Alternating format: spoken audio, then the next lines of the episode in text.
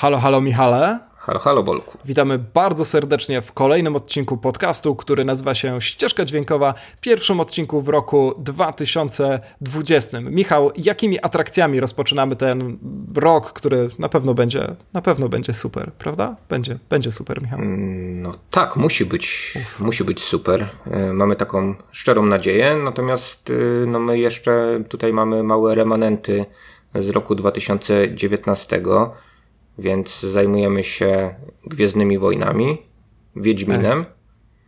E, no już premierą e, z roku 2020, jeśli chodzi o polskie kina, czyli filmem Judy. Krótko o nim mówimy. No i na sam, na sam koniec kilka naszych typów, co warto nadrobić jeszcze z roku 2019. Tak jest. I tutaj gwoli obowiązku dodajmy, że o Gwiezdnych Wojnach rozmawiamy z pełnymi spoilerami. O Wiedźminie w sumie nie wiemy, czy to są spoilery, czy nie. A jeżeli chodzi o film Judy, to no myślę, że są to informacje tolerowalne, jeżeli chodzi o opowiadanie o film, filmie o jednej z największych gwiazd kina. No i tyle. Serdecznie zapraszamy w takim razie. Zapraszamy.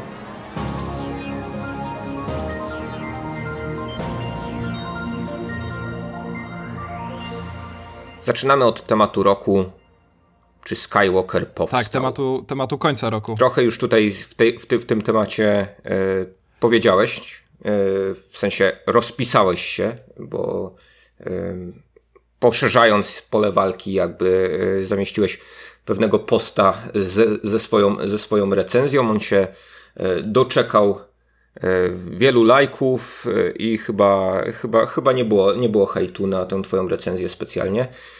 E, nie pamiętam. E, no, to tylko rzeczywiście trzeba dodać, że Rise of Skywalker to był ten film, który spowodował e, tyle emocji w moim serduszku i w moim muszczku, że postanowiłem faktycznie nie czekać do nagrania, tylko tak dość perfidnie wykorzystać jednak nasz fanpage do tego, żeby opublikować to, co ja myślę, ale faktycznie no nie będziemy już wracać pewnie za bardzo do pewnych kwestii stamtąd, jeżeli chodzi o mnie w każdym razie, no bo jeszcze ty się publicznie tak ogólnie nie, nie wypowiedziałeś na temat Rise Rise of Skywalker, więc to pytanie, czy Skywalker powstał, y, ja odbijam i kieruję do ciebie. No tak, ja nie będę tutaj y, w opozycji. Y, pewnie widziałeś moją ocenę na Filmwebie, która jest tak, o trzy punkty wyższa od twojej, aczkolwiek wciąż jest niższa od średniej oceny. To taka zagadka matematyczna dla naszych słuchaczy, którzy nie mają naszych kont na Tak, podstawowy trening na Filmwebie.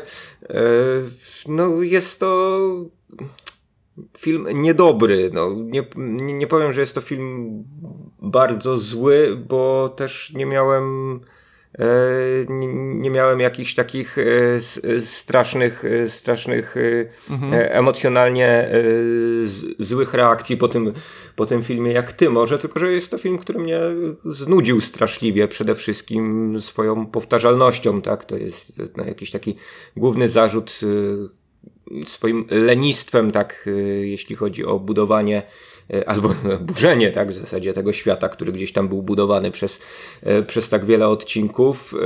No, w związku z czym no, jest, to, jest, jest to film, no, którego, którego nie mogłem ocenić nawet jako, jako przeciętny, tak, nawet dyskutowałem trochę z moimi znajomymi, którzy uważali, że no to taka tam średnia rozrywka, no wiadomo, w Gwiezdnych Wojnach, no to już takie tak. podobne filmy były natomiast wydaje mi się, że no jednak e, pewne niechlujstwo, pewien bałagan, jaki tutaj panuje, e, wyróżnia in minus jeszcze ten film w stosunku do filmów, które no też niespecjalnie mi się podobały. Ja w przeciwieństwie do ciebie nie jestem fanem ostatniego Jedi. Wydaje mi się, że tam było zbyt wiele właśnie jakiegoś takiego efekciarskiego e, ciągnięcia e, tego uniwersum w różne strony po to, żeby jakoś tam e, zaszokować widza, żeby no, tu, tu, ten efekt nowości nastąpił na zasadzie jakiegoś takiego maksymalnego zaskoczenia, no ale w przypadku Rise of the Skywalker mamy do czynienia z sytuacją zupełnie odwrotną, to znaczy jestem w stanie to wytłumaczyć oczywiście myśleniem korporacyjnym, myśleniem mhm. E, producenckim, takim oto, że skoro nam się coś tutaj e, wymknęło spod kontroli, bo tak się wydaje, że w przypadku poprzedniej części reżyserowanej przez Ryana Johnsona e, było, że skoro reakcja fanów była na to w większości jednak negatywna, tak mi się wydaje, a przynajmniej tak. ci, którzy mm, którzy wypowiadali się w internecie, to krzyczeli głośniej. Tak, te wiadomo, że trole, hejt same, które były rozbrzmiewa. za zepsucie wyborów amerykańskich, jak pokazały badania, są to te same konta. Okej. Okay. Zabawne. No, no, wiadomo, że ten hejt w internecie rozbrzmiewa zawsze głośniej niż y, chóry pochwalne. Y, no więc... Y, obrano y, ścieżkę powrotu do y, tego, co było przy okazji przebudzenia mocy. Y, wsadzono znowu bezpiecznego reżysera za kółko. Scenariusz, który miał powielać pewne rzeczy z oryginalnej trylogii. Z tym, że no, Przebudzenie Mocy moim zdaniem powielało te rzeczy dość udatnie, nawet jeżeli Rey była dla mnie jakimś tam klonem Luka Skywalkera, nawet jeżeli to była znowu mniej więcej podobna wyprawa bohatera, to jednak, e, mhm. o, jednak zwarta, koherentna, oglądało mi się to e, dobrze, natomiast w, no, w przypadku tej części, no niestety, no, ro, rozsypało się to e, dokumentnie i mm, tak, no, to jest... i, i, granie, i granie właśnie na, na sentymentach poprzez wprowadzanie non-stop postaci właśnie z poprzednich części, tych nieżyjących już nawet nie tylko w serii, ale nie żyjących fizycznie.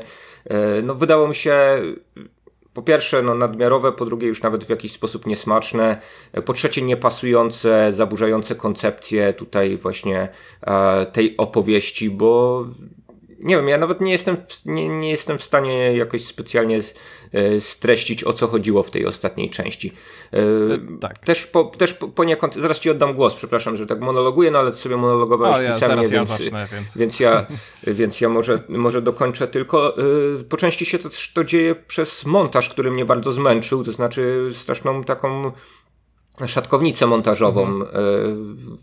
Wydaje mi się, że tutaj E, naprawdę było sporo materiału, z którego e, twórcy nie potrafili zrezygnować, w związku z czym cieli niektóre sceny, cieli niektóre ujęcia na taką jakąś absolutną drobnicę i pod tym względem to mi się też źle oglądało, to znaczy mi to po prostu męczyło wzrok. Ja nie wiem, czy, czy ja się tak zestarzałem, że y, montaż, montaż przyspieszył generalnie w, w blockbusterach i ja nie nadążam, ale no nie zauważyłem tego na, na tym polu w, podczas jakiejś innej wysokobudżetowej produkcji w tym roku do tego stopnia jak w przypadku tak. E, Gwiezdnych Wojen. No to tyle może z No to jest, to jest bardzo ważne i do kwestii montażu zaraz sobie przejdziemy. Ja osobiście uważam, że Skywalker Odrodzenie to jest, no nie wiem, być może najgorzej zmontowany profesjonalny film, jaki widziałem w życiu. Zaraz sobie jeszcze o tym pogadamy. Wspomniałeś o tym emocjonalnym podejściu. Wydaje mi się, że warto tutaj taką krótką autoetnografię badawczą przedstawić, bo zwykle te takie najgłośniejsze tematy typu Gwiezdne Wojny, Marvele i tak dalej sprawiają, że jacyś nowi słuchacze trafiają do naszego podcastu, więc cześć, dzień dobry, serdecznie witamy. To jest podcast, który nazywa się Ścieżka Dźwiękowa. I tutaj trzeba dodać, że no ja rzeczywiście kocham Gwiezdne Wojny nad życie. Ja mam do tego bardzo emocjonalne podejście Kosztuje mnie bardzo dużo pracy, żeby nabrać do tych filmów jakiegoś dystansu. Staram się je, zanim o, nim, o nich sobie porozmawiamy, obejrzeć kilka razy. E, wyjątkiem tutaj był Łotr pierwszy, którego nie dałem rady do dzisiaj obejrzeć drugi raz w całości za, za jednym razem. No i druga kwestia jest taka, że ja rzeczywiście, tak jak wspomniałeś, uwielbiam Ostatniego Jedi. Uważam ten film za skończone arcydzieło. E, tuż przed Rise of Skywalker widziałem go czwarty raz, czyli wcale nie, nie, nie, nie znowu taki kolejny i już absolutnie wszystko w tym filmie mi się spina. Nie mogę wyjść z zachwytu nad, nad geniuszem tego dzieła, e, co nie zmienia faktu, że rozumiem, że są różne podejścia do opowiadania historii i kręcenia filmów i absolutnie nie wymagałem dokładnie tego e, samego. E, ja chciałbym porozmawiać, zacząć może od czegoś takiego, mm, co dotyczy całego systemu disneyowskich Gwiezdnych Wojen, bo wydaje mi się, że bardzo dawno nie widzieliśmy takiej kompletnej, masowej katastrofy w jakiej, jakiejkolwiek franczyzie. E, zwłaszcza we franczyzie, która ma taką historię jak Gwiezdne Wojny. No, drugiej takiej franczyzy być może oprócz Jamesa Bonda tak, no. w historii kina po prostu, po prostu nie ma. Nie wiem, czy zwróciłeś uwagę, że na Możemy sobie filmów... to podsumować w, w ogóle, prawda? Bo, tak, bo, tak, bo jednak, tak. jednak no.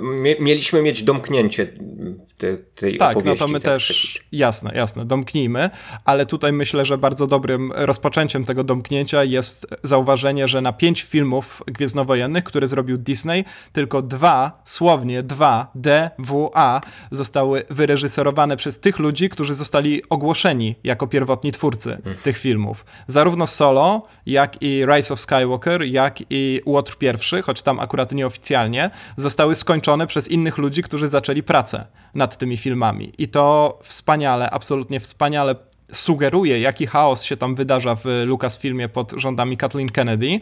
Ja od razu powiem, że nie jestem, czy też staram się nie być takim internetowym haterem disneyowskich Gwiezdnych Wojen, ponieważ te 4 czy 5 lat temu, kiedy dowiedzieliśmy się o tym, że nie dość, że Disney przejmuje, to jeszcze Kathleen Kennedy, którą znałem z jej pracy ze Spielbergiem, e, będą teraz rządzić Gwiezdnymi Wojnami, to nawet się ucieszyłem, ponieważ podobało mi się to, co Disney robił z Marvelem e, i naprawdę liczyłem, że to nie będzie taki, za przeproszeniem z angielska clusterfuck, tak, jak w rezultacie się to wydarzyło. Teraz nie wiem, czy muszę ocenzurować ten podcast, czy nie, zobaczymy. E, dodatkową interesującą sprawą jest to, że Disney absolutnie niczego teraz stara się nie ujawniać. To znaczy mamy, do, jeżeli chodzi o making of tych filmów, mamy jakąś taką e, dziką paranoję, jak z jakiegoś totalitarnego państwa. Nie wiem, czy ty znasz taką słynną serię making offów e, niejakiego Rinslera. To jest making of, no i tu wstaw sobie którąś z, któryś z tytułów Lucasowskich trylogii. E, no i Disney nie, właśnie nie jako... Tego. Tak, to są takie legendarne książki właśnie niejakiego Rinslera, który mm, pisze, e, jak, fil jak filmy powstawały, jest tam dużo wywiadów, no jest to skarbnica takiej, co prawda autoryzowanej, ale jednak bardzo interesującej e, informacji na temat poszczególnych filmów.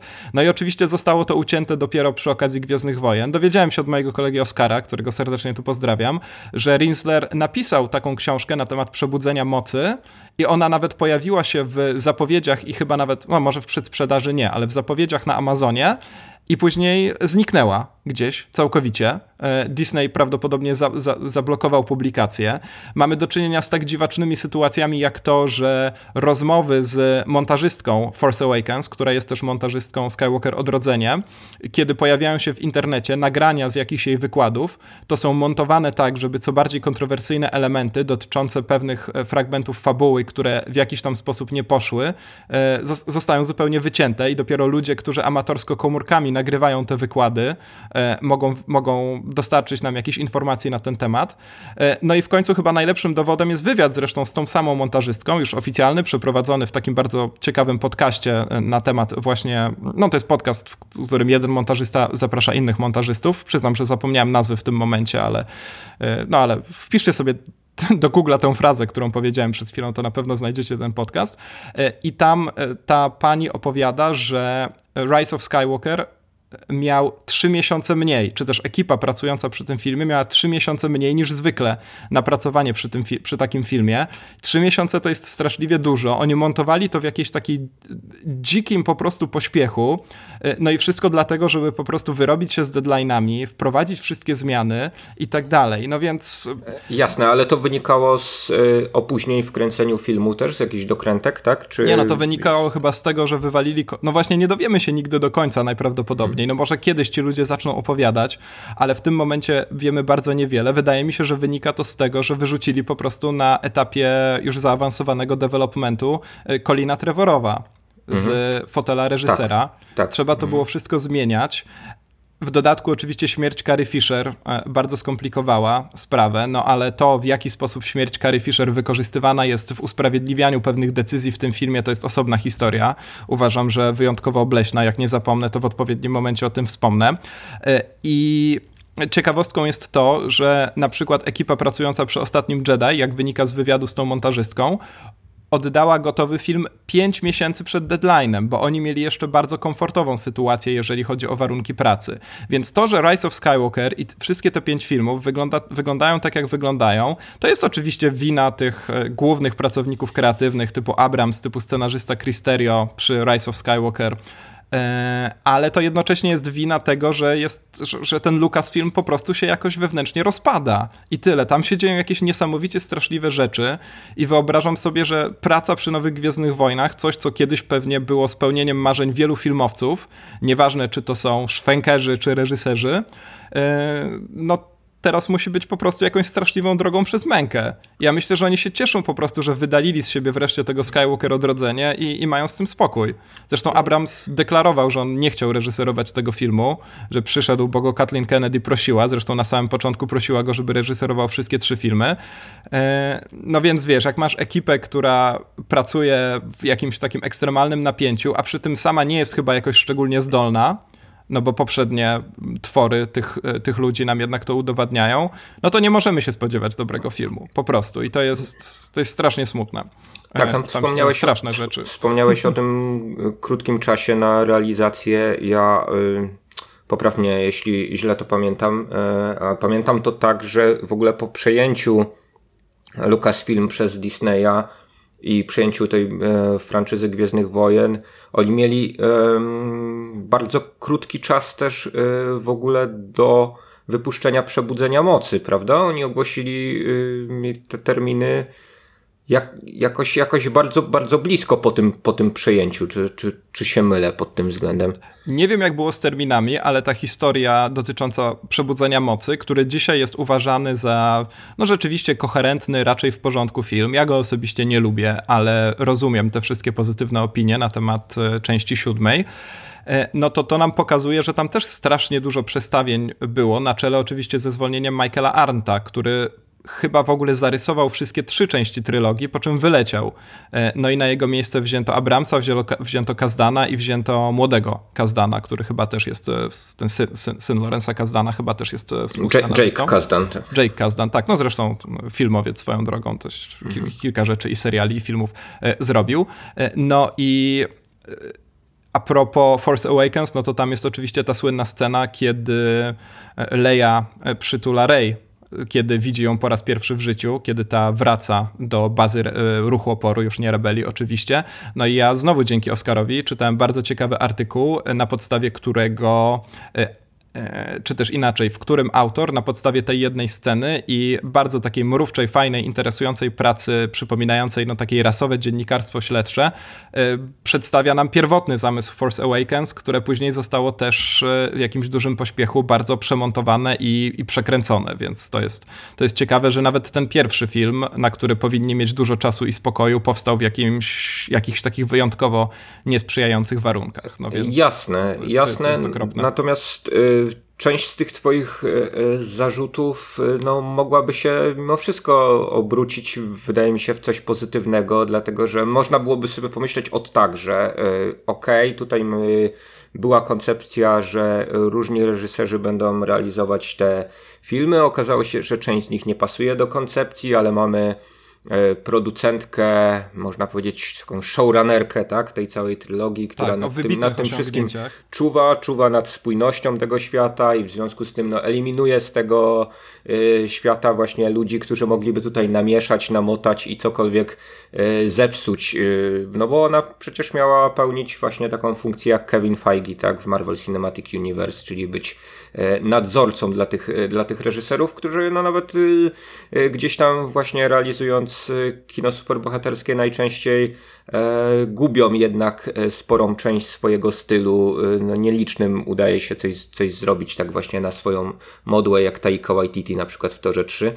A, no, a właśnie tutaj chodziłoby być może o to, żeby właśnie ta trylogia była w jakiś tam sposób E, spójna, no ale koniec końców właśnie patrzymy na to wszystko i widzimy, jak to jest rozsypane, tak, jak to jest nierówne, jak to jest właśnie inne za każdym razem, ale nie inne w pozytywnym tego słowa znaczeniu, no bo Imperium kontratakuje też było inne, prawda, od e, powrotu Jedi. E, tak, no Lukas prawie nie był na planie i tak dalej, prawda, więc to... No, ale niestety, niestety yy, trudno to traktować właśnie jako, jako spójną trylogię, jeżeli, e, jeżeli widać, że nawet koncepcji poszczególnych postaci chyba nie mamy, mamy dopracowanych tutaj, tutaj specjalnie. Już nie mówię o tych nieszczęsnych postaciach drugoplanowych, które tam były wszyte jak ta Rose, tak, o, o, której się tam przetacza teraz e, przez, e, prze, prze, przez internety e, wielka, wielka dyskusja, że, no, że to, to była postać i tak dopisana po to, żeby wiadomo na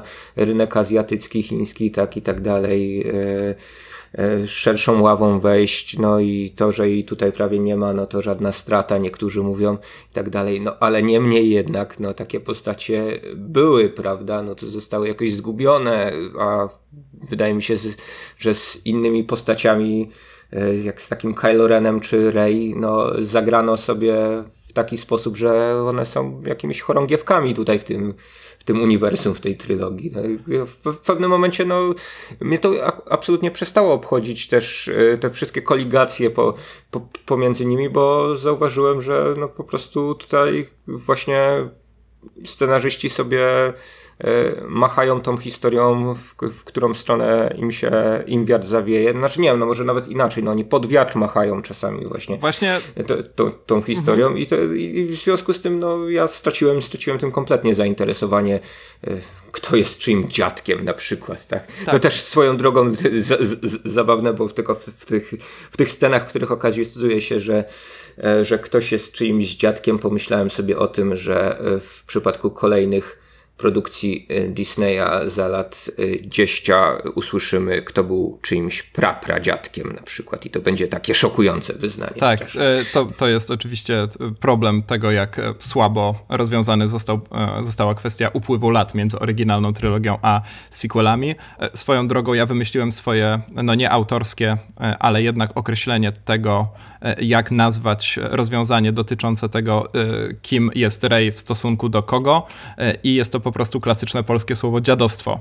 Uważam, że to jest znakomity żart i uważam też, że no, powinno się go powtarzać w polskim internecie, podchwyć to po prostu. Jest to jeden z lepszych żartów, jakie e, wymyśliłem. Słuchaj, to jest e, właśnie bardzo ciekawe to, co mówisz o scenarzystach i o tym, że oni e, właśnie czy z wiatrem, czy pod wiatr i tak dalej, ponieważ teraz już, no już ile to jest dwa tygodnie, prawda, po premierze Rise of Skywalker, kiedy sobie tutaj rozmawiamy, to w internecie dzieje się rzecz zupełnie niesamowita. To znaczy Chris Terrio, współscenarzysta tego filmu, udziela jakiejś ogromnej, ogromnej liczby wywiadów z najróżniejszymi mediami. Myślę, że jakbyśmy go zaprosili do podcastu, to też by się zgodził, w których tłumaczy różne decyzje mm, mm, podjęte właśnie w procesie pisania scenariusza tego filmu. Aczkolwiek, czy tam był jakiś konkretny scenariusz, to pozostaje mieć e, wątpliwości.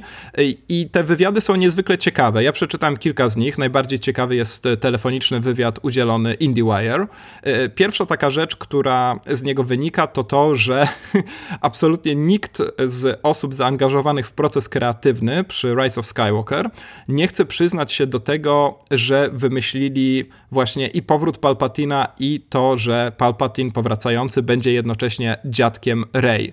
To jest niesamowicie zabawne, ponieważ e, tak naprawdę jest to kluczowa decyzja, za którą nikt nie chce wziąć odpowiedzialności. Nie wiadomo, czy wymyślił to Terio, nie wiadomo, czy wymyślił to Abrams, nie wiadomo, czy wymyślił to Trevorow, a nie wiadomo nawet, takie plotki też słyszałem, aczkolwiek to tylko plotki, y, czy nie wymyśliła tego przypadkiem y, sama Kathleen Kennedy, czyli decyzja poszła rzeczywiście z samego szczytu. Więc wywiady z Chrisem Terrio, który za wszelką cenę unika odpowiedzi na to kluczowe pytanie, jest rzeczywiście, no to jest, to, to jest bardzo, no to, bardzo wiesz, rozrywka. Kathleen Kennedy chciałaby przebić pod tym względem chyba George'a Lucasa, tak? Czyli ojca tak. założyciela tej oryginalnej trylogii, no bo też on wymyślił, prawda, y, ojcostwo, tak, z Vadera i so, super spoiler, tak, tym tak, momencie. Tak, tak, tak. I, i, i, i, I też to było wprowadzone na zasadzie jakiegoś takiego zupełnego zaskoczenia, tak, w pewnym momencie, prawe, znane kilku osobom raptem.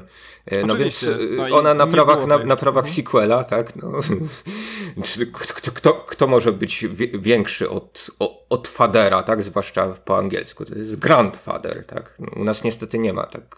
tak. E, nie, nie, ma tak ładnego słowa jak właśnie wielki ojciec, tak? Tak, tak, tak no to jest, to jest problem z tym filmem, że słowo dziadek nie brzmi demonicznie, po prostu.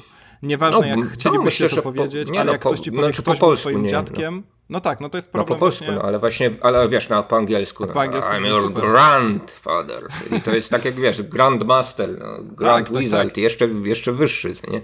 Wiadomo, kolejni, kolejni przodkowie powinni się poka pokazywać w tym momencie i przebijać, kto jest bardziej Grant.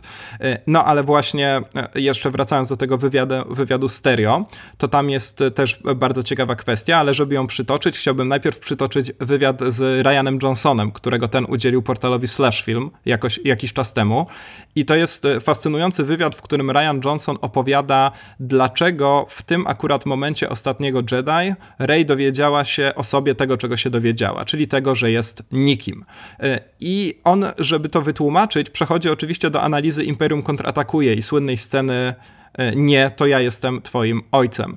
I bardzo interesujące jest to, że on w ogóle nie tłumaczy tego na zasadzie jakiejś analizy mitologii Gwiezdnych Wojen i tak dalej, tak jak dzisiaj się lubi o tym myśleć, tylko on na to patrzy z takiego punktu widzenia po prostu scenarzysty, osoby, która ma opowiedzieć najbardziej angażującą emocjonalnie historię.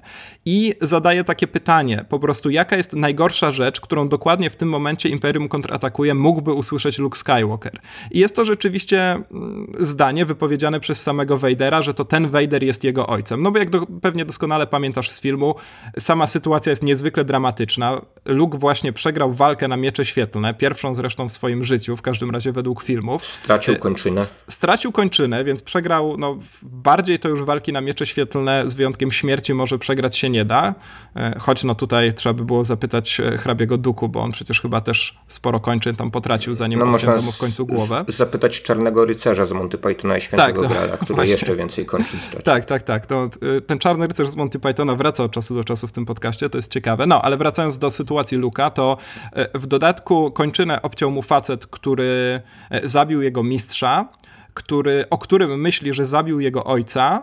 E, w dodatku Luke jest przekonany, że Vader, no jest przekonany, to jest zresztą prawda, no, że właśnie torturował jego znajomych. Jednego z jego przyjaciół właśnie władował do, jakiegoś, do jakiejś bardzo dziwnej bryły i ogólnie rzecz biorąc, jest to rzeczywiście sam dół. I w tym momencie Luke może, kiedy usłyszy coś takiego, no to to jest rzeczywiście najgorsza rzecz na, w, jego, e, w, w, jego życiu. E, I podobna sytuacja jest rzeczywiście w ostatnim Jedi, e, ponieważ mamy Rey, która wychowana na tych legendach o Luke'u Skywalkerze. Pamiętamy tą jedną z pierwszych scen Force Awakens, bardzo dobrą zresztą, kiedy ona przymierza e, ten kask rebeliancki i tak dalej. E, jest przekonana, że ona również ma za sobą jakąś legendę, jakąś historię, która będzie mogła ją zdefiniować i która jej pozwoli się samo określić. No i w tym momencie jest rzeczywiście w podobnie dramatycznej sytuacji co Luke, ponieważ mimo, że właśnie no, wygrała walkę na miecze świetlne i to kilka tych walk nawet, y, to jednak y, okazuje się w tym momencie, że ponosi porażkę w swojej próbie nawrócenia Kylo Rena Y, sytuacja wokół jest niezwykle dramatyczna, ponieważ rebeliancka flota właśnie powoli zostaje unicestwiona. Niszczyciel też rozpada się już na kawałki i ogólnie rzecz biorąc, y, dowalenie czegoś takiego przez Kylo Rena, że ona jest nikim, czyli podważenie tak naprawdę całej tej jej próby budowania własnej tożsamości, jest rzeczywiście jedną z najgorszych rzeczy, jakie Rey może usłyszeć.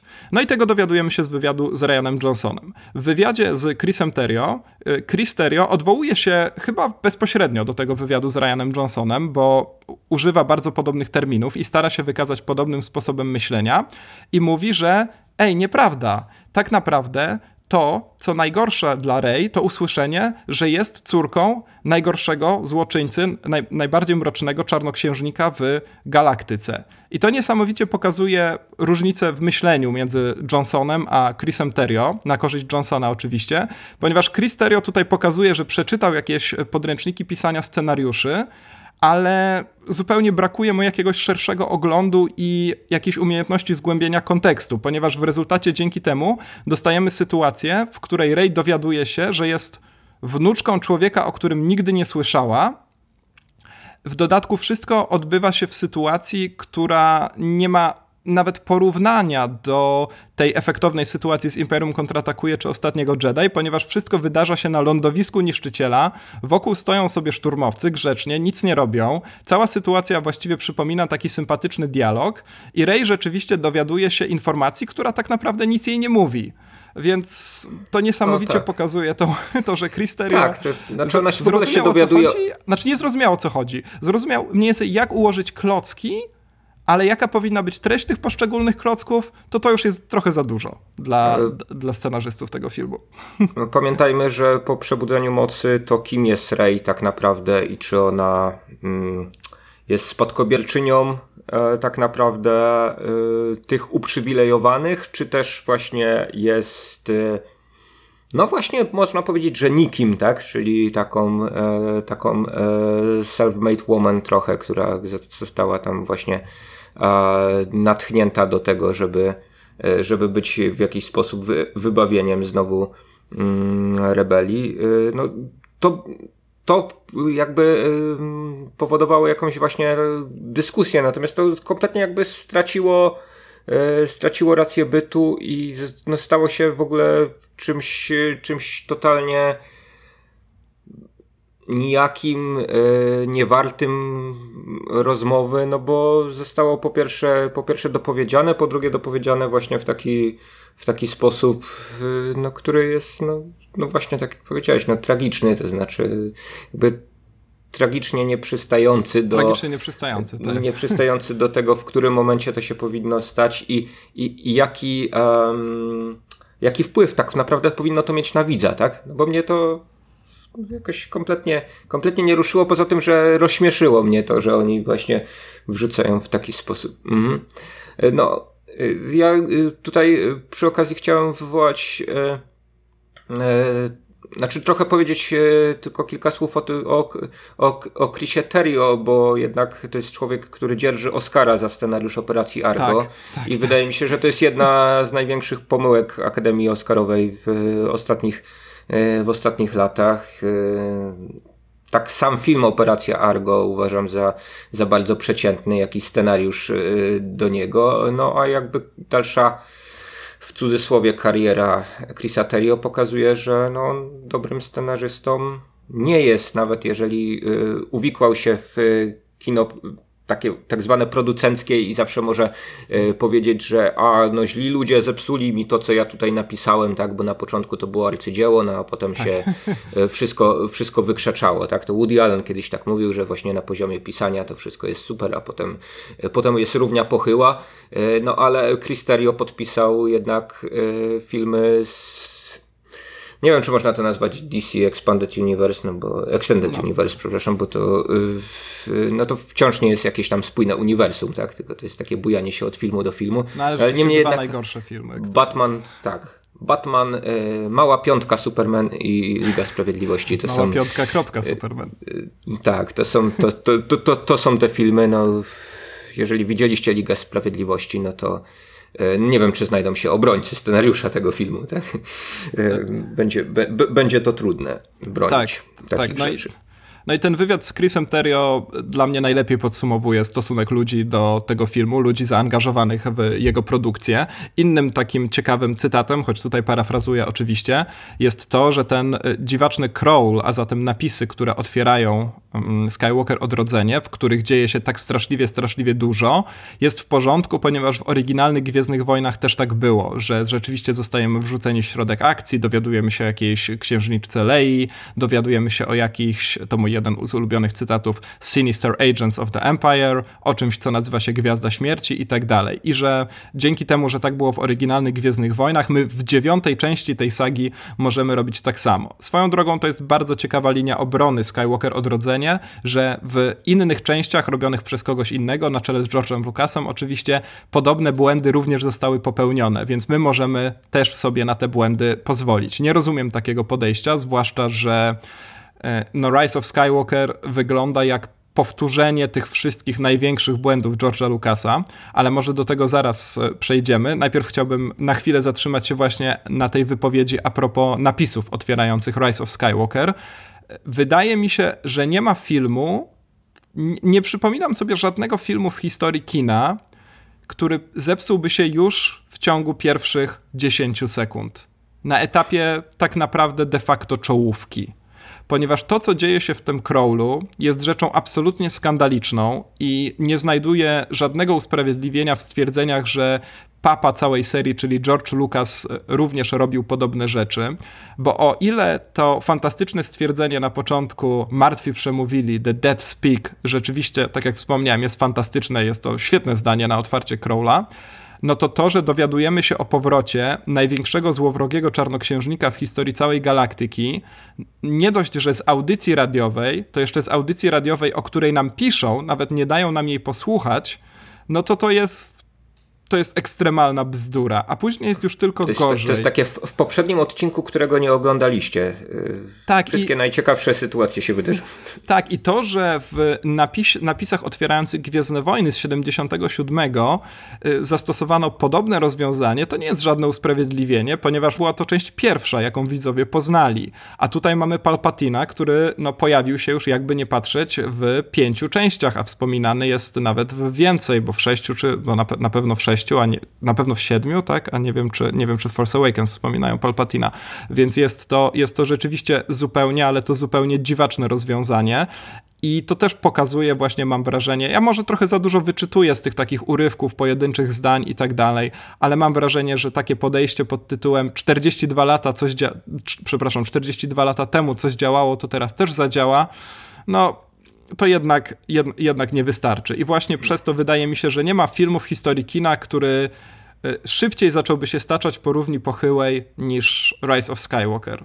Naprawdę. Dawno, dawno temu w odległej galaktyce, fanfary, chwila uniesienia, aczkolwiek i tak nie jest tak znakomicie jak John Williams kiedyś sobie założył, ponieważ nie ma fanfarów 20th Century Fox. No trudno. Fanfarów czy fanfar? Nieważne. Yy, zaczynają się napisy, i po chwili stwierdzasz, że coś jest tu bardzo nie tak. Czy jakiś film wcześniej zrobił na tobie złe wrażenie? Wcześniej od, od momentu, kiedy zasiadłeś, na, zasiadłeś przed ekranem w fotelu kinowym? Czy jakiś film zepsuł się szybciej niż, niż Skywalker Odrodzenie? E, to znaczy, y, pomijając filmy, które się psują na poziomie trailera, tak? No, bo... no właśnie, ja tego, tego nie liczę. Zastanawiam się właśnie, okay, zaczyna się logo wytwórni mhm. i bo wiadomo, że każdy film jest gorszy, jeżeli leci przed nim reklama Kinder Bueno, ale zastanawiam się właśnie od, nad tym momentem między logo wytwórni, a rzeczywiście no już samą, samą akcją filmową. Czy czy coś psuje się szybciej niż Skywalker Odrodzenie? I długo o tym myślałem i, i nic mi nie przychodzi do głowy. Naprawdę. Więc to jest no, też pytanie dla naszych nie, słuchaczy. Nie, nie odpowiem ci y, na to pytanie na pewno teraz. Mogę mhm. to przemyśleć do następnego odcinka. Natomiast yy, tak, no tutaj jakby pełna zgoda, to znaczy, yy, ale to znowu jest podszyte wszystko właśnie powielaniem pewnych rzeczy, yy, znaczy próbą powielenia pewnych rzeczy w, w skali 1 do 1 w, stos w, stosunku do właśnie oryginalnej trylogii, tak? Żeby nie było hejtu, żeby nie bolało, to zrobimy tak, jak to robił Lucas, no ale wiadomo, że robimy jakieś tam sequele, no to, to z większą mocą tak, nomen omen, że coś sobie tam po, poprzesuwamy, ale żeby, żeby było y, maksymalnie podobnie, tak, skoro nie podobało się y, tak zwanym fanom to, co zrobiono z Luke'em Skywalkerem e, w poprzedniej części, no to tutaj e, zróbmy z postaciami, żeby one zachowywały się mniej więcej tak, jak się zachowywały postacie, ich odpowiedniki w tej trylogii oryginalnej, no i też na poziomie właśnie już takich, takich, takich małych rzeczy, jak te, jak te napisy początkowe, to, to się wszystko manifestuje. No, to, jest, to, jest, to, to, jest, to jest bardzo smutne. E, tak, swoją drogą nie wiem, czy słyszałeś e, tę audycję Palpatina, ponieważ ona została nadana w grze Fortnite. Mm, nie. No więc znaczy ja nie gram w grę Fortnite, więc... Ja też nie gram. Nie Musiałem to na YouTubie obejrzeć. Swoją drogą e, bardzo mi się podoba wizja Palpatina, który nagrywa audycję radiową. Chciałbym bardzo zobaczyć właśnie taką scenę e, z zakulis nagrywania tego momentu, kiedy on mówi e, próba mikrofonu. Czy, czy to się nagrywa już? Czy to się nagrywa? Raz, dwa, trzy chciałbym zobaczyć bardzo taką scenę. Uważam, że e, ma, ma bardzo duży potencjał i może w jakiejś innej grze wideo kiedyś ją, kiedyś ją zobaczymy. No i też wizja tego, że może Palpatine po prostu chciałby nagrywać podcasty. To też jest, e, to też jest bardzo, bardzo kusząca wizja. Serdecznie zapraszamy do nas. E, dobra, bo ty wspominasz rzeczywiście o tym, jak ten film ma się do Ostatniego Jedi. Ja może tylko tak na szybko powiem, bo ty na początku naszej audycji wspomniałeś, że ja tam rzeczywiście swoje wy, wy, wypociny przedstawiłem na Facebooku Facebooku, to dla tych, którzy z was tego nie czytali, to po pierwsze zapraszamy do folubie, pol, pol, to jest skrót na e, polubienie fanpage'a naszego na, e, na Facebooku, a po drugie szybko powiem, że moim największym rozczarowaniem było to, że Ostatni Jedi w dużym uproszczeniu mówiąc, bardzo demokratyzuje kwestię bohaterstwa w Gwiezdnych Wojnach, co mi się ogromnie podoba, ponieważ mnie już na etapie siedmiu części tej sagi troszkę męczyła wizja tych magicznych dzieci z dobrych domów, w rękach których spoczywa los galaktyki. I ostatnia, dosłownie ostatnia scena z miotłą ostatniego Jedi to jest dla mnie jedna z najpiękniejszych scen w historii sagi. I bardzo, ale to bardzo nie podoba mi się to, że Rey została wpisana w kolejną potężną rodzinę. Uważam, że samo w sobie ma to potencjał do opowiedzenia ładnej historii, ponieważ byłaby to historia o tym, że nie jesteśmy warunkowani przez więzy krwi i tak dalej i możemy stworzyć samych siebie, ale jednocześnie tą nadzwyczajną moc i to już ta, tą moc pisaną wielką literą, którą dysponuje Rey, e, wpisuje rzeczywiście w bardzo konkretną no, genetykę niemal, jeżeli jeszcze weźmiemy pod uwagę słynne, aczkolwiek trochę zapomniane midi-chloriany, więc e, to rozwiązanie mnie szczególnie zabolało i rzeczywiście dużo się już pisało, dużo się mówiło o tym, o czym ty wspomniałeś, czyli tym zwrocie w stosunku do ostatniego Jedi, do tego, że ci bohaterowie podejmują zupełnie inne decyzje i tak dalej. One czasem według mnie są usprawiedliwione, czasem nie, ale uważam, że stosunek ogólnie rzecz biorąc twórców Rise of Skywalker do ostatniego Jedi najlepiej obrazuje jedna scena, e, która nie doczekała się jeszcze chyba wystarczająco poważnych analiz, albo niepoważnych, takich jak ta, która zaraz nastąpi w internecie. I jest to scena, kiedy Rey przybywa do sali tronowej na drugiej Gwieździe Śmierci, sali tronowej Imperatora, oczywiście. To jest scena, która według mnie najlepiej obrazuje stosunek do ostatniego Jedi ze względu na dwa momenty w tej scenie. Po pierwsze, kiedy przed Rey otwierają się tajemnicze drzwi, i wiemy, ponieważ muzyka nam to sugeruje, zaczyna się taka złowroga atmosfera, że zaraz prawdopodobnie nastąpi konfrontacja z ciemną stroną mocy. E, no i rzeczywiście w pierwszych kadrach tej konfrontacji, czy też tego, co zaraz będzie konfrontacją, mamy takie bardzo wyraźne nawiązanie do ostatniego Jedi. To znaczy, Rey widzi swoje odbicie gdzieś, cała scena jest tak zaskakująco powolna i rzeczywiście wyraźnie nawiązuje do tej, za przeproszeniem, poezji obrazu, którą wykorzystał Ryan Johnson w swojej fantastycznej scenie wizji gdzieś tam w podziemnej jaskini na Akto.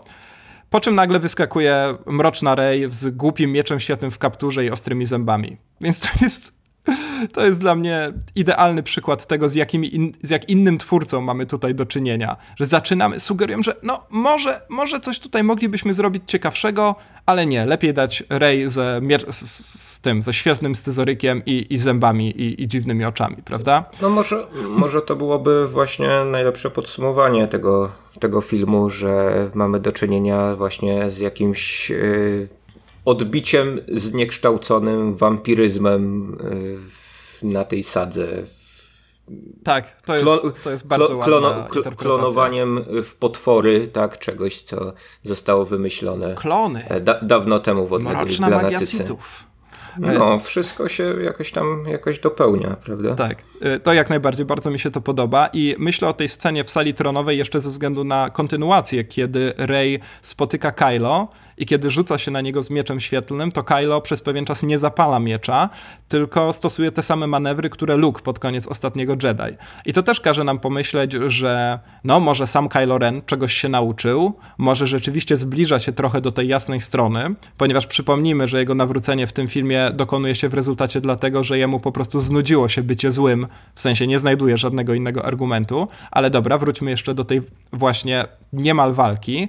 Y, ponieważ jednocześnie myślimy, że Kylo Ren się czegoś nauczył i że może J.J. Abrams się czegoś nauczył, że faktycznie przedstawi nam tutaj jakąś oryginalną scenę walki i rzeczywiście Kylo bardzo efektownie unika Rey, nawet mamy to zbliżenie na ślizgającą się stopę, bardzo wyraźne nawiązanie do ostatniego Jedi. zbliżenie na ślizgającą się stopę to wyraźne nawiązanie do filmu Ostatni Jedi.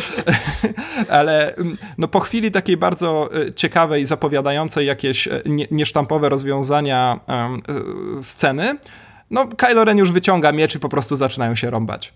E, I tyle. I to jest e, dla mnie druga taka scena, która pokazuje to idealne, wręcz takie bardzo płynne przejście z pewnych ciekawych pomysłów ostatniego Jedi w taką takie prymitywne powtarzanie tego, co już wszyscy znamy, albo po prostu najprostsze wykładanie kawa na ławę pewnych konceptów, które jest bardzo charakterystyczne dla, dla Abramsa, który, który umie pięknie machać kamerą w pojedynczych scenach, fantastycznie ruszać tą kamerą między świetnie zblokowanymi aktorami, zblokowanymi, czyli ustawionymi w kadrze, e, ale nie potrafi nic więcej. I to jest mhm. film, który ostatecznie to to udowadnia. Więc ta jedna no scena jest dla mnie świetnym podsumowaniem tego, tego no dobrze, filmu. Dobrze, to ja może, może też podsumuję na szybko, bo mieliśmy się zmieścić w 30 minutach, a tu prawie format lekcyjny nam się zrobił o tym, tak. o tym filmie, o którym już pisałeś. E, to dla mnie też przykład tego, jak e, gigantomania e, sequelozy jest w stanie zgubić właśnie dany film, ponieważ w obrębie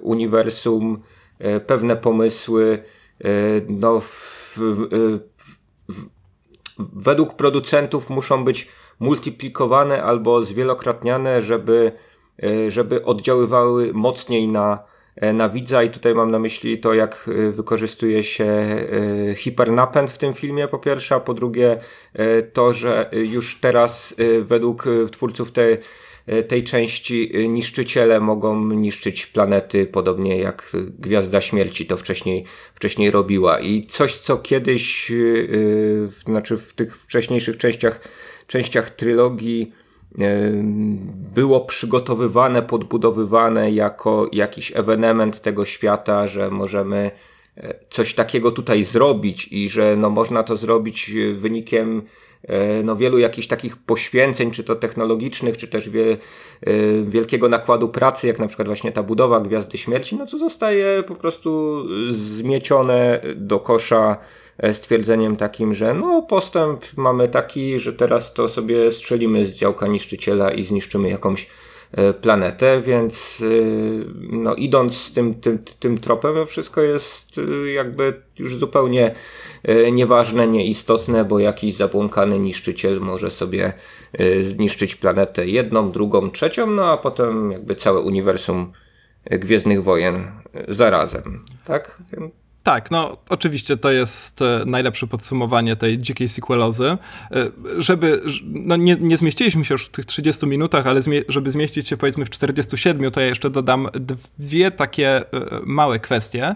Po pierwsze, zdarzył się w tym filmie moment geniuszu, który trwa dokładnie 3 sekundy i jest to moment, kiedy Han Solo mówi do Bena Solo I know, bardzo mnie wzruszają, być może dlatego, że jestem już w takim wieku, e, sytuacje, w których takie e, kultowe z innego powodu teksty zostają zaprzęgnięte w służbie wyrażania miłości rodzicielskiej. I naprawdę, naprawdę na tych trzech sekundach bardzo się wzruszyłem. Nie przeszkadzało mi nawet to, że Harrison Ford nie pozwolił się nawet obciąć do tego filmu. Nie przeszkadza mi to, że ma monstrualne dłonie, co mnie bardzo zdziwiło, i nie przeszkadza mnie to, mi to nawet, że cała ta scena pokazuje, że Kylo Ren po prostu wybacza samemu sobie, ponieważ jest to jakaś jego prywatna wizja i wspomnienie, a nie faktyczny Han Solo, który, któremu wybacza. Ale. Ale zaraz, zaraz, jak to ma monstrualne dłonie? Bo to yy, tam nie, nie dojrzałem. No, kiedy przykłada swoje dłonie do twarzy Adama Drivera, to widać, że dłonie Harrisona Forda są jakichś nienaturalnych rozmiarów. Y, ale mimo wszystko ta, to jedno zdanie, ta jedna wymiana trzech słów tak naprawdę, bo Ben Solo mówi that, tak, ten mu odpowiada I know, to jest sytuacja, która mnie y, bardzo wzruszyła. Y, tych scen właśnie, czy też tych takich kwestii związanych z tym, że Kylo Ren tak naprawdę wybacza samemu sobie i tak dalej, no tego już nie będziemy poruszać, bo nie ma czasu, żeby rozbierać ten film na części pierwsze, ponieważ tam żadna scena nie ma sensu i e, myślę, że zajęłoby nam to bardzo dużo e, czasu, ale to tak wspominam tylko, żeby nie było, że jestem całkowicie negatywnie nastawiony. No, tak, Polecasz mm. obejrzeć y, Rise of the Skywalker po to, żeby zobaczyć, czy możliwe jest, żeby ktoś miał większe dłonie od y, twarzy. Od uszu Adama Drivera. Tak. Dokładnie. Dokładnie. No. no. on ma zasłonięte okay. uszy, więc wszystko jest, całe, całe proporcje jego twarzy są zaburzone. Y, Adam Driver w tym filmie w sposób skandaliczny niewykorzystany. To jest najwybitniejszy współczesny aktor w Ostatnim Jedi. Ma absolutnie wybitną scenę, kiedy jedno słowo please dzięki mimice jego twarzy nabiera takiej mocy, że chce mi się rozdzierać twarz przed ekranem. No tutaj nie ma ani jednej takiej sceny. Ben Solo zresztą od czasu tej rozmowy z Hanem Solo nie wymawia ani jednego słowa już w tym filmie, co jest dość ciekawe. E, no i druga kwestia, o której chciałbym wspomnieć, o której nie czytałem w żadnej z polskich recenzji, to jest tłumaczenie tego filmu. E, Michał, my kiedyś rozmawialiśmy, i to już nie mówię tylko o Gwiezdnych Wojnach, rozmawialiśmy kiedyś off the record o tym, że dzisiaj mamy taki bardzo dziwny zwyczaj, żeby te polskie tłumaczenia były super wyluzowane, super dowcipne i super zabawne, nawet jeżeli oryginalny tekst taki nie jest. Dotyczy to szczególnie tych produkcji Disneya dla dzieci i dorosłych, czyli właśnie Marvela i Gwiezdnych Wojen. I to, co dzieje się tutaj, jest według mnie już szczytem e, pamiętam, że niemal spadłem z krzesła, a w IMAXie to jak spadniesz z krzesła, to nie wrócisz na to krzesło, nie, nie, nie wdrapiesz się na to krzesło jeszcze przez kilka minut, więc lepiej nie ryzykować. Kiedy Lando spotyka Ciubakę i zwraca się do niego per old buddy, tak jak mówili do siebie w oryginalnej trylogii w latach 80., e, co zostaje przetłumaczone na mordeczko. No wyobrażasz sobie, że jeden twój dziadek mówi do drugiego twojego dziadka mordeczko? No jest to, jest to dość zaskakujące rozwiązanie. No wyobrażam sobie, że w oryginalnej trylogii y, to byłyby ostatnie słowa kogoś, kto powie w ten sposób do Czubaki. Tak, to, ale no właśnie nie pamiętam. Wydaje mi się, że, że Lando mówi też w Imperium kontratakuje do niego per Old Buddy, ale musiałbym to no, sprawdzić. No, nie, w sensie, w sensie mordeczko po angielsku. Tak, no to absolutnie, absolutnie prawda. Nie no, wiem, jaki, jest, jest, jaki to byłby odpowiednik swoją drogą. Tak, to jest, to jest ciekawe. Hmm. Hmm, hmm. No nieważne, ale e, w każdym razie no to jest świetne podsumowanie tej tendencji do tego, żeby polski język był dużo bardziej wyluzowany niż angielskie dialogi. E, druga kwestia to to, że tłumaczenie niestety zawala jedno z najładniejszych zdań, jedno z dwóch e, ładnych zdań w tym filmie, mianowicie kiedy pod koniec pojawia się ta ogromna flota wszystkich statków, które widzieliście kiedyś w serialach animowanych, to ci, no ja już nie wiem, czego oni są oficerami, bo już nie są oficerami najwyższego porządku, tylko chyba tego ostatecznego porządku, ale mniejsza z tym, obiecałem sobie, że nie będziemy tego tutaj rozkminiać. Um, jeden z nich mówi, nie wiem, czy to nie, e, nie, nie, nie, nie złowrogi generał Pride mówi, Pride mówi, e, co to za flota, na co oficer odpowiada mu, it's not fleet, it's people. I to jest piękna, rzeczywiście taka demokratyzująca właśnie te, te, te, Gwiezdne Wojny e, kwestia dialogowa, która pokazuje, że to nie są żadni zorganizowani żołnierze, że to są po prostu e, ludzie, a właściwie to powinno zostać u nas przetłumaczone na lud, prawda? Bo rzeczywiście mm. zbieramy się wszyscy razem, żeby stawić czoło opresji. Tymczasem u nas to people zostało przetłumaczone na zbieranina. No i okej, okay.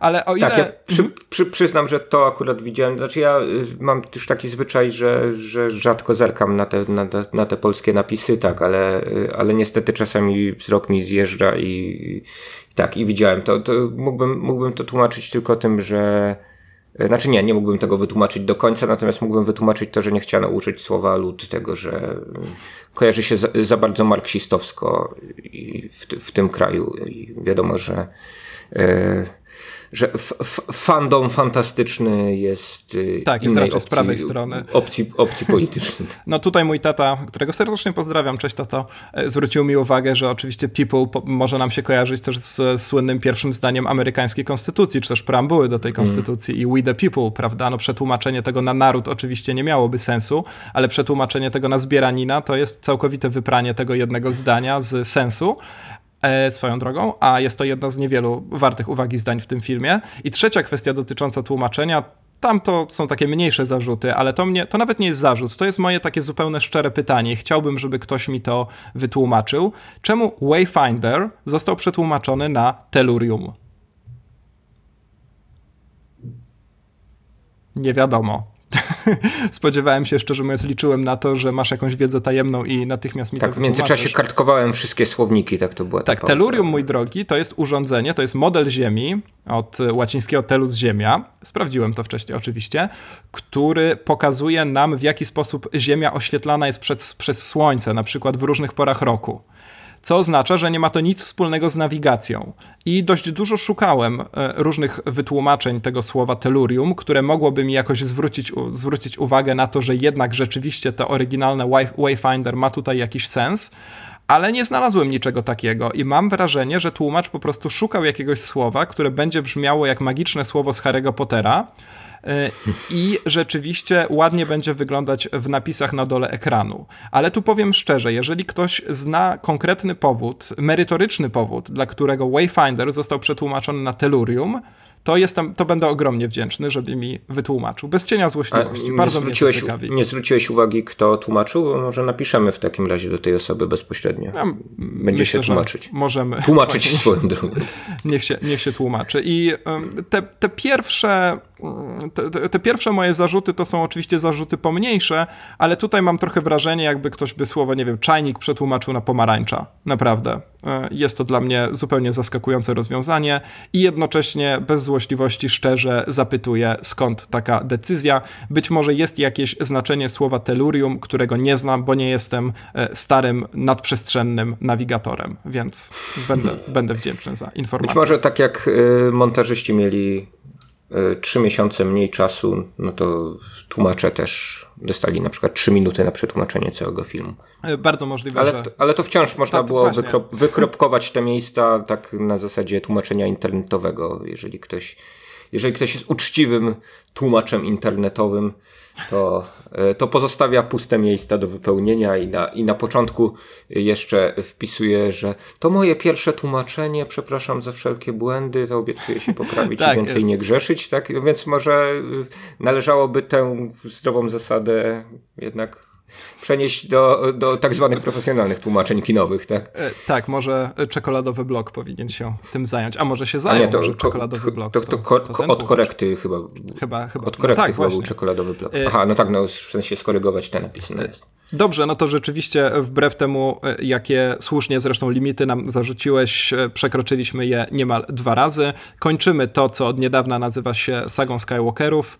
E, ja jestem Spoko. niezwykle Przytniesz smutny. to w montażu, tak jak wiesz, montażyści tak jak tutaj w ostatnim odcinku Gwiezdnych Wojen, więc końcówki, końcówki słów możesz ścinać, tam wiadomo, słuchacze się domyślą. Tak, e, ponieważ e, widzowie nie mają kiedy oddychać oglądając Skywalker Odrodzenie, no to też nie muszą oddychać słuchając jego e, przydługiego być może omówienia. Ja tylko chciałem tutaj skończyć, ponieważ jak powiedziałem na początku, jestem emocjonalnie z Gwiezdnymi Wojnami bardzo głęboko związany. Stwierdzeniem, że teraz jestem przede wszystkim głęboko smutny. Uważam, że Gwiezdne Wojny zasługiwały na lepszy koniec, po prostu. Uważam, że Ryan Johnson niemal w ostatniej chwili dał radę uaktualnić to już jednak trochę zwietrzałe przesłanie Gwiezdnych Wojen, przenieść tę sagę na troszkę inne, mnie osobiście bardziej interesujące tory, ale też myślę, że uniwersalnie o wiele ciekawsze. Jestem ogromnie zawiedziony, że to wszystko zostało przekreślone przez no, demoniczną korporację, która mniejszy problem z tym, że jest demoniczna, większy z tym, że po prostu panuje tam jakiś dziki chaos i bałagan, y, a do tego zatrudnia się ludzi, którzy w takiej atmosferze napięcia y, wyraźnie źle się czują i sami nie umieją szczególnie dobrze ani filmów pisać, ani opowiadać historii, a tutaj pewnie było jeszcze gorzej, więc Skywalker Odrodzenie to jest niestety, tak jak powiedziałem to już wielokrotnie, smutny koniec i jest mi, jest mi naprawdę zupełnie szczerze w serduszku przykro, że, że wszystko tak się skończyło brzydko. A jednocześnie cieszę się, że już się skończyło. No to mnie jest równie smutno z tego powodu, że tobie jest smutno. Wiesz, empatyzuję tutaj bardzo mocno, więc do, do weselszych tematów, tak? Zmierzamy. Tak. We, we, wesołych jak Jaskier z Wiedźmina, mamy ta, super produkcję kolejną. E, no, czy taką super, to zaraz, zaraz się okaże, tak mhm. tak naprawdę, no ale na, na pewno oczekiwaną, na pewno mającą grono oddanych fanów i na pewno mającą e, dość silny oddźwięk nie tylko w naszym pięknym kraju, ale także poza jego granicami. Ostatnio się dowiedziałem, że Wiedźmin jest najpopularniejszym serialem Netflixa. Tak? Zaraz tak? ci powiem o tych statystykach. Sprawdziłem no, je, tak, tak, tak. Przed, na, przed naszym nagraniem, ale to zaraz. Wiadomo, że nie ma większego kłamstwa niż statystyka, to tak. też sobie o tym o, o tym opowiemy. A od czego byś chciał zacząć w takim razie gawędę o naszym białowłosym bohaterze? No to może znaczy rzeczywiście... naszym, czy nie naszym już w tym momencie. E, może rzeczywiście zacznijmy od tej e, statystyki, bo wiadomo, to już wiedział George Lucas e, kręcąc prequele, nie ma nic lepszego do wciągnięcia widzów w opowieść niż, opo- niż historia o rzeczach nudnych, jak polityka i liczby. Więc ta statystyka, o której mówisz, to rzeczywiście jest podsumowanie roku, według którego wśród 10 naj, najchętniej oglądanych programów Netflixa jest tylko jedna rzecz przez Netflixa nieprodukowana, to jest e, film I nie ma mocni 2 e, a Wiedźmin zajmuje tam chwalebne miejsce szóste i przegrywa tylko z jednym serialem. Jest to trzecia seria Stranger Things, o której zresztą też sobie w jednym z odcinków e, rozmawialiśmy. Tak jak wspomniałeś, nie ma większego kłamstwa niż statystyka. E, lubię powtarzać mm, te, to powiedzenie, że kiedy ja wychodzę na spacer z psem, to statystycznie każdy z nas ma trzy nogi. I tutaj rzeczywiście Netflix e, jest o tyle problematyczny, że on właściwie nie udostępnia tych swoich e, metodologii, algorytmów i tak dalej. Wiemy za to, że te, te rankingi zostały podliczone na podstawie całkowitej liczby kont, które rozpoczęły oglądanie tego filmu i oglądały go przez minimum dwie minuty. Przez pierwsze tam 28 e, dni od czasu premiery filmu i do tego dochodzi też e, taka bardzo zaskakująca koncepcja e, predictions, tak? To znaczy Netflix przewiduje, kto na pewno jeszcze chętnie sobie tego Wiedźmina włączy. Więc statystyki Netflixa nie mają nic wspólnego na przykład z tak nienawidzonymi przez Jacka Kurskiego statystykami Nielsena, które od wielu lat są najsłynniejszymi statystykami analizującymi poziom oglądalności. No ale w ogóle nie wiadomo za bardzo o co w tym chodzi. Znaczy wiadomo, chodzi o to, żeby Netflix pokazał inwestorom, że produkowane przez niego programy są ciągle e, najpopularniejsze i żeby nie, że nie należy przyjmować się tym, że Disney Plus e, zabrał swoje rzeczy z, z Netflixa i tylko i wyłącznie o to chodzi. No niemniej zobaczenie takiego Wiedźmina gdzieś tam w, tatych, w takich statystykach e, jest rzeczywiście sympatyczne i chociaż no, pełni oczywiście rolę promocyjną.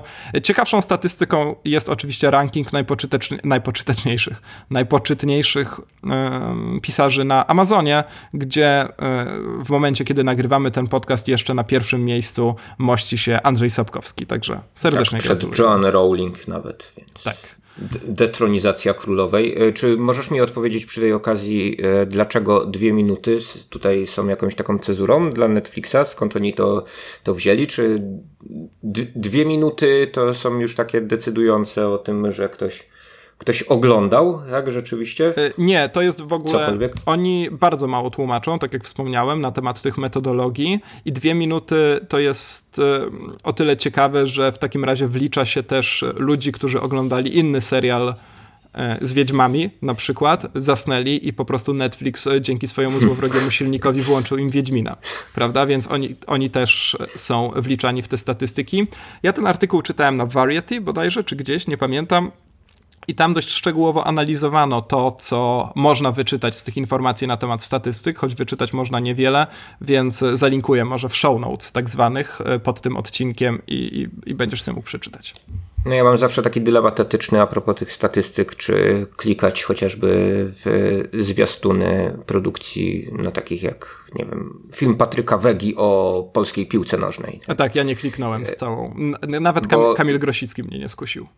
No bo jednak jest to nabijanie wyświetleń, prawda? Tak, na, absolutnie. na YouTubie twórcy, którym, którym e, no, lekko przynajmniej pogardzam, tak mogę, mogę, o, tym, o tym powiedzieć. Podobnie, podobne dylematy mam w przypadku oglądania 1 z 10 na TVP i tak dalej. No, a, ty, no ale to, może nie będzie. 1 z 10? Nie będzie, e, nie, raczej na tę stację matkę tego A, okay. programu.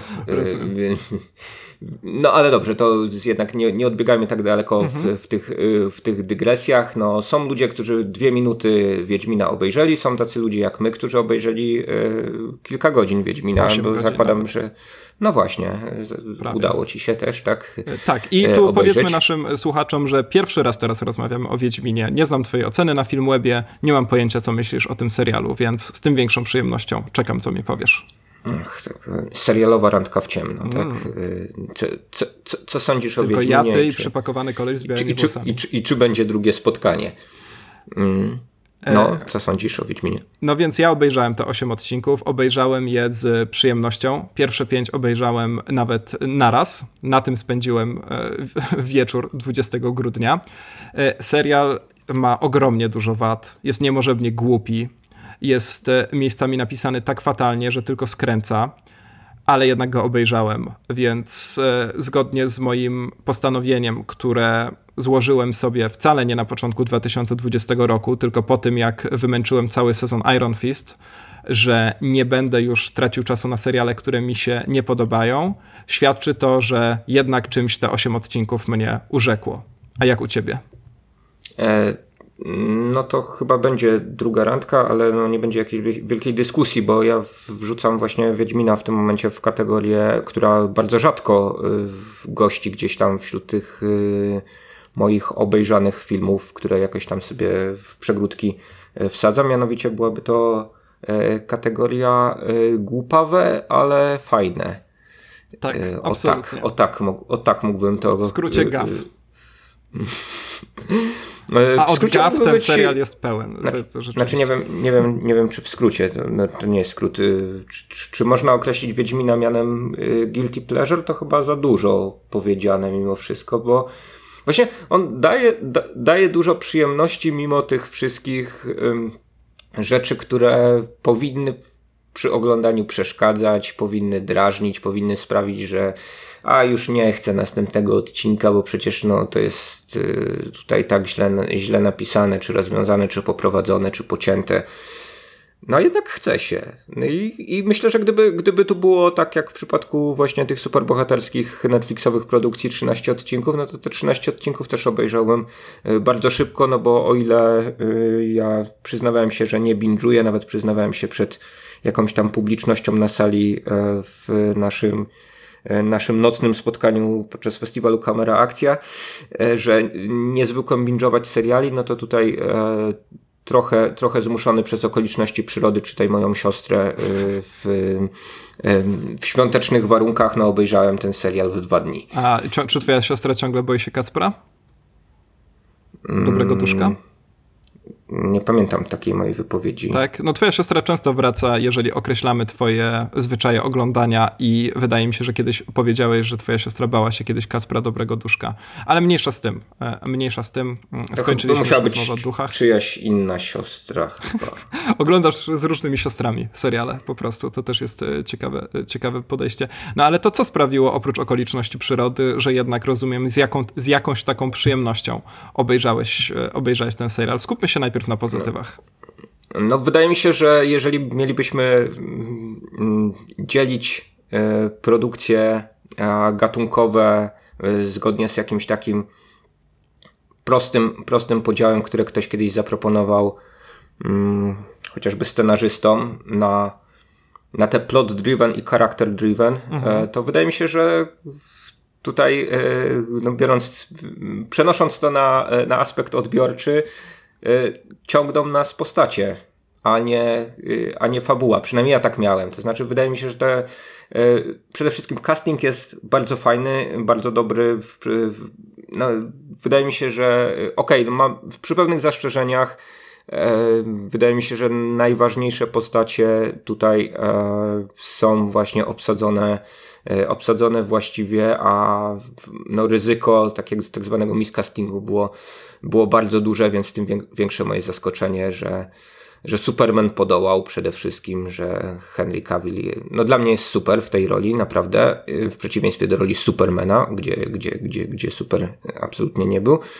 E, no, a poza tym jakby pojedyncze, po, po, pojedyncze sceny, pojedyncze też odcinki sprawiają, że wydaje mi się, że ogólne wrażenie na temat na temat serialu jest lepsze. To znaczy, ja widzę bardzo duże różnice pomiędzy od, odcinkami. O, w tym momencie nie, nie, przygotowałem sobie ściągi, y, jak one się do, dokładnie, dokładnie nazywały, no ale pomiędzy odcinkiem ze Strzygą a, i odcinkiem z Jeanem, a, a odcinkiem ze Smokiem na przykład, czy... czy Może czy, tak się nazywają, odcinek ze Smokiem. Czy, czy odcinkiem finałowym... Y, jest y, no moim zdaniem bardzo, bardzo duża różnica, to znaczy na korzyść tych, tych pierwszych dwóch yy, zwłaszcza i no i to są, to, to są jakby takie, takie dwa aspekty, które, które tutaj są po stronie y, pozytywów, no po stronie, po stronie negatywnej no dla mnie jest przede wszystkim konstrukcja całości tego sezonu, który to poczekaj, bo który... Y, do tej mm? konstrukcji Dobrze, no to, zaraz to sobie przejdziemy. Ja chciałem odnieść się do mm? tych pozytywów, bo zgadzam się z nimi, tylko muszę zadać podstawowe pytanie. Czy oglądałeś ten film z napisami, czy z dubbingiem? Mm, nie, oglądałem z napisami oczywiście. No to nie tak oczywiście. Ja od trzeciego odcinka włączyłem dubbing, ponieważ nie byłem w stanie znieść tych wszystkich Nilfgaardów i tak dalej. E, I dubbing jest wspaniały. Naprawdę. Ogląda się ten film z dubbingiem według mnie z wielką przyjemnością. Dubbing jest znakomicie zrobiony, naprawdę dobrze wyreżyserowany. Na początku dość e, trudno słucha się Żebrowskiego, który nie brzmi, no ze względu też na lata, które minęły, jak swój oryginalny Wiedźmin, którego kiedyś przyszło mu grać, ale bardziej przypomina tego mm, amerykańskiego Wiedźmina z gry. Nie pamiętam w tym momencie, jak ten aktor się nazywał, ale on wymyślił w sobie taką charakterystyczną manierę, którą również Henry Cavill naśladuje. No i że, że Chrząkania, tak? Żebrowski też tak Wiedźmin, cały czas tak mówi, więc jest to No, dość... to jest takie mówienie ala Batman. Tak, tak, tak, dokładnie. Jest to Wiedźmo Batman, Bat, Batmin ewentualnie, y, ale y, można się do tego przyzwyczaić i z dubbingiem ogląda się według mnie ten serial z naprawdę, naprawdę wielką radością. Ja w każdym razie się cieszyłem jak dziki. Y, I sam Henry Cavill rzeczywiście w tej roli jest e, bardzo przekonujący, no głównie w takich scenach, kiedy rzeczywiście znacząco milczy, gada z płotką, czyli ze swoim koniem, choć czasem gada z nim w bardzo dziwnych e, momentach, no ale to też jest część tego uroku. No oczywiście świetne są sceny, kiedy e, wchodzi do bali z wodą, ponieważ e, jak e, przyznał się w programie Grahama Nortona, jego przygotowanie do tej wielkiej aktorskiej sceny polega na tym, że pierwszego dnia pije chyba dwa litry wody, drugiego litr wody, trzeciego nie pije nic, a czwartego nagrywa scenę, więc to są wymogi współczesnego to, Hollywood. Mm. To rozumiem, że na zasadzie zero waste, tak? Skoro miałby wejść do bali z wodą, no to założył sobie, że potem i tak ktoś tę wodę musi wypić. To znaczy, prawda? chodzi oczywiście o to, że odwodnione mięśnie wyglądają lepiej, bo są bliżej skóry, o ile się dobrze orientuję, albo skóra po prostu bardziej się do nich lepi, ale uważam to za smutny paradoks losu, że musisz się odwadniać do sceny, która polega na tym, że siedzisz w wannie. Musiał. No i tak to jest poświęcenie. Cierpi, cierpisz wtedy patrząc na tę wodę, tak? E, to jest, to, to jest poświęcenie, e, więc e, tak, rzeczywiście, no, serial w każdym razie wydawało nam się, że będzie zawieszony na Kawilu i on według mnie znakomicie wywiązuje się ze swojej roboty, no ale w rezultacie na Kawilu, czyli na Wiedźminie, ten serial zawieszony nie jest. I tutaj przejdźmy chyba do tej konstrukcji, tak? Bo wydaje mi się, że o tym chciałeś, chciałeś wspomnieć teraz.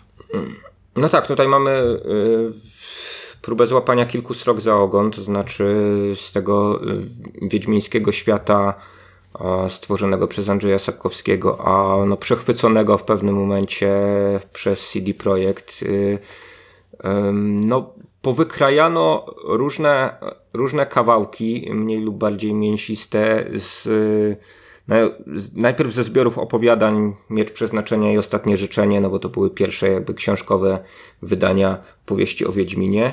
E, no ale co nieco skubnięto też e, z pięcioksięgu, e, który, który, który, który opowiada no, historię Siri przede wszystkim, tak? To i tych relacji pomiędzy pomiędzy Siri, właśnie... słychać, że oglądałeś z dubbingiem i teraz nazywasz No, już się, tak, przyzwyczaiłem się, rzeczywiście przyzwyczaiłem asystentki się. Google'a. Mhm. E, przepraszam, e... przepraszam, Boże, jaki błąd. Przepraszam, korporację, przepraszam. Boże, czekaj, Dobrze, telefon niech... mi zaraz wybuchnie. Niech, nie, niech to będzie Cyrylla wręcz yy, po, po polsku, Cyrilla. po sta, sta, staro, starosłowiańsku. No w każdym razie, no Pieciąksiok, jeżeli, jeżeli czytaliście, to dobrze wiecie, e, o czym, e, o czym jest. Tutaj mamy e, jakby zalążek tego, co zapewne w drugim sezonie zobaczymy, który to drugi sezon pewnie gdzieś będzie bliżej z tym pięcioksięgiem związany, no i przez to być może będzie miał jak taką bardziej, bardziej spójną fabułę, podczas gdy w, no, w sezonie pierwszym mm, nie wiem, czy to miało na celu poszukiwanie tego, co się najbardziej w Wiedźminie spodoba widzom, czy raczej y, no jakby próbie wykorzystania właśnie ogromu tego, tego materiału. Ja oglądałem taki wywiad z Tomaszem Bagińskim e, z Platish Image, rzecz jasna, który tutaj y, no, pełni funkcję executive producera, która mówi wszystko i nic, ale zarazem tak, Aczkolwiek no, Platish Image od, odpowiada za, e, za efekty specjalne w tym, e, w tym serialu, no Oj. i za parę innych rzeczy także. To, no to o tym, o tym za moment. No i, I on mówił, że no właśnie tego materiału było bardzo dużo, że oni sobie tam porozpisywali, co można z tego wiedźmińskiego uniwersum e, powybierać, e, no ale wydaje mi się, że wybierali trochę na zasadzie takiej e, losowej pewne rzeczy, to znaczy wybrali pewne opowiadania, które były szczególnie lubiane no ta, to opowiadanie e, ze strzygą, królem Foltestem i tak dalej, to, e, to jedno z najpopularniejszych. Tak, już zresztą wybrali. zaadaptowane przez Platiszy masz w intrze do pierwszego Wiedźmina, o ile dobrze pamiętam. No, pewne rzeczy już były w ogóle ekranizowane, tak? Bo no tak. wyprawę na smoka tutaj, tutaj mamy niejako e, powieloną z naszego szlachetnego serialu i filmu. E, natomiast, natomiast no, to, się, to się kleci średnio, jeśli chodzi o, o całość struktury, struktury tego serialu, zwłaszcza, że E, że obok e, właśnie Ciri, Zagłady Cintry, e, Cintry, przepraszam, mamy też Origin Story Yennefer, który jest taki no, trochę, trochę dopisanym, a trochę uszytym z, tak, tak, tak. z pewnych rzeczy, które były tylko wspomniane u Sapkowskiego. prawda, tą historią.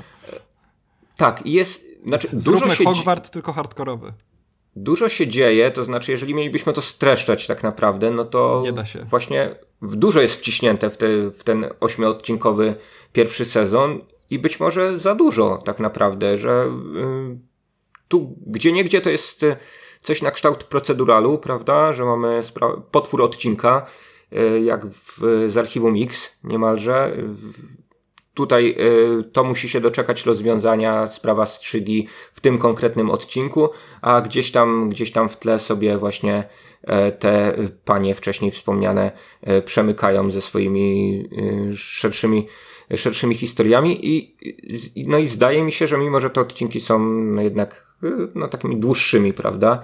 W przeciwieństwie do Mandaloriana no tak, chociażby. potrafią przekroczyć godzinę.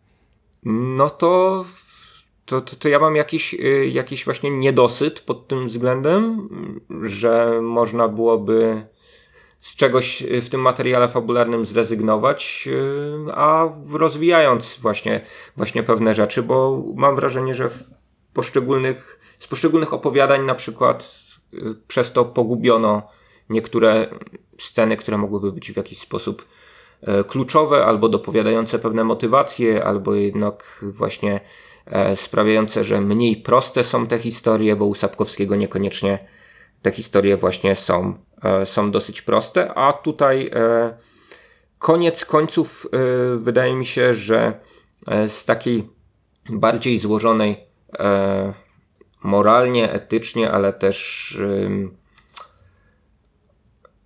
pod względem konwencji, na przykład prozy, pro, prozy Sapkowskiego, ukuto coś w, rodzaju po prostu heroic fantazji, takiego bardzo, bardzo prostego, e, więc e, poszli twórcy w stronę w stronę Konana i Herkulesa, tak? W stronę Herkulesa być może bardziej jeśli chodzi o to, jak, jak pewne rzeczy mhm. tego polsatowskiego Herkulesa, rzecz jasna, tak. jak te, niektóre greckiego. rzeczy ostatecznie, ostatecznie przedstawiono, no w stronę, w, stronę Konana, bo, bo, bo na zasadzie no mamy, mamy wielkiego osiłka z mieczem i on tutaj musi kogoś ubić i tutaj jest taki quest do zrobienia i on to robi. Tak. Prawda? No powiem ci Michał, że jesteś bardzo łagodny wobec konstrukcji tego serialu. Dużo takich e, delikatnych słów wyszło z twoich ust a propos scenariusza. Ja uważam, że ten serial, jeżeli nie znasz świata Wiedźmina, nie ma żadnego sensu. Nie znam co prawda mm, nikogo. No tego nie jestem w stanie z, no właśnie, zbadać. Ja też niestety z nikim jeszcze e, nie oglądałem, nie rozmawiałem, przepraszam, kto oglądałby ten serial, a nie znałby ani gry, ani oczywiście przede wszystkim książek. Choć myślę, że gra by tutaj wystarczyła, ponieważ tak naprawdę wielkim problemem jest zorientowanie się w relacjach władzy w tym świecie, w relacjach geograficznych. To zresztą, jeżeli chodzi o Sapkowski kontynent, według mnie zawsze stanowiło pewien problem, chociaż tam pewnie jakaś mapa w tych książkach jest. Ja już przyznam, że nie pamiętam, czytałem to 15 lat temu. E, no, Jedna mapa się tu nawet jest. pojawia w tym serialu. E, tak? Tak, na tym y, spotkaniu kapituły. Dobrze, Aha, no dobrze, no to, no to świetnie, to może trzeba sobie e, zapauzować po prostu na moment. E, w każdym razie wydaje mi się, że ten świat jest e, tak enigmatyczny, że trudno przejąć się tym, że ktoś podbija kogoś, bo nie mamy pojęcia, jakie to może mieć konsekwencje dla całego kontynentu. Jeżeli chodzi o konstrukcję poszczególnych historii, to według mnie to jest głęboka tragedia, ponieważ fakt, że w pierwszym odcinku poznajemy Stregobora i okazuje się, że on oczywiście uprawia te swoje złowrogie praktyki na temat e, czarnego słońca i tak dalej i tych wszystkich nieszczęsnych dziewcząt, e, a później okazuje się, że to wcale nie jest główna intryga serialu i tak naprawdę główna intryga serialu zaczyna wydarzać się gdzieś tam indziej, a to nam znika właśnie na zasadzie tego potwora tygodnia. Problemem jest dla mnie trochę to, że właśnie ten serial nie ma takiej wyraźnej tożsamości, to znaczy nie do końca chce zdecydować się, czy jest tym potworem tygodnia, czy raczej jakąś ciągłą historią i przez to te historie w taki, te, te historie opowiedziane w poszczególnych odcinkach w taki nieprzyjemny dla mnie sposób się mieszają.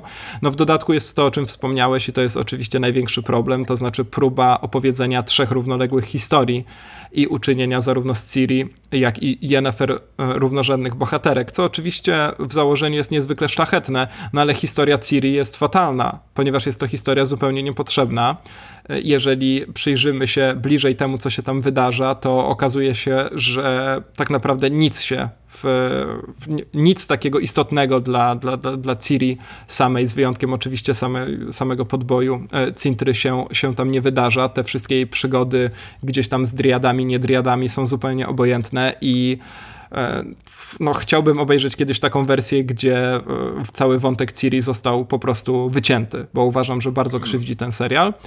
E, no tak, to, ale to pewnie trochę wynika z tego właśnie, jak przedstawione zostały właśnie driady z Brokilonu, tak, i jak bardzo y, nieistotne one są w kontekście y, tego świata tutaj, przynajmniej na początku w tym, w tym pierwszym sezonie, no bo jednak u Sapkowskiego by one były, były istotne z powodu tej geopolityki, tak, której tak, tutaj prawie tak. nie ma, to znaczy jest, jest tylko mowa o tym, że jest jakiś Nilfgaard na południu, tak, który... on wiesz, po prostu jest zły, ubierają się na czarno, to są źli. Tak, no, no, no mają, mają jakiegoś tam cesarza, tak, więc y, imperatora, no i parają się czarną magią, to znaczy dopuszczają czarną magię, więc, więc są źli. I wiadomo. E, to jest proste, a co prawda e, no, ta ekipa kapituły tych w cudzysłowie dobrych czarodziejów też nie wygląda na szczególnie e, pozytywną, więc to jest inna kwestia.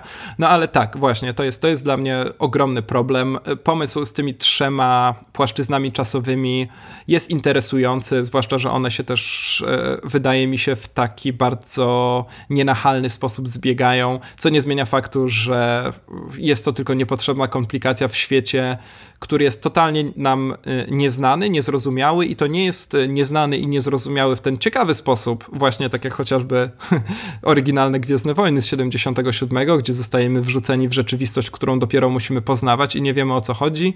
Tutaj przez tą gęstwinę y, wątków, motywów, temacików i historyjek mam wrażenie, że to wszystko raczej drażni niż fascynuje. Więc no dla mnie niestety Wiedźmin jest bardzo, ale to bardzo źle napisany.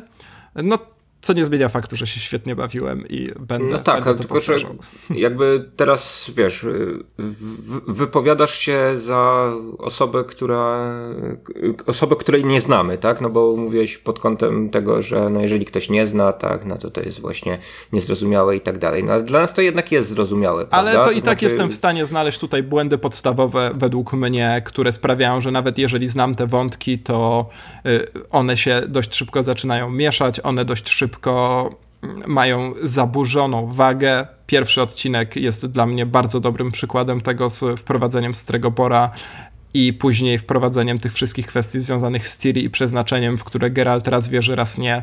E, wydaje mi się, że jeżeli nawet nie mam tego dystansu trochę sztucznie nabranego właśnie do tej historii, bo faktycznie gdzieś tam, no w grę grałem całkiem niedawno, więc przynajmniej ten świat całkiem nieźle kojarzę, to jednak ciągle, ciągle dostrzegam tutaj wady. Mm, mhm. No. Tak, to znaczy, no ja yy, znaczy zgodzę się pod względem tego, że tutaj jako wadę pewnie widzisz yy, taką jednoznaczność, niejedno, yy, jednoznaczność, którą twórcy y, obrali w kontrze do pewnych niejednoznaczności i dylematów, które, które pojawiały się u, u Sapkowskiego, jeżeli to dobrze rozumiem, tak? No bo to, ten pierwszy odcinek jakby po, powinien ustawiać nam Wiedźmina jako właśnie takiego o, bohatera pełnego różnego rodzaju y, dylematów. No, ten dylemat o przeznaczeniu to jest jakby tutaj dylemat sezonu. Tak, tak, Powinien tak. nim być, tak?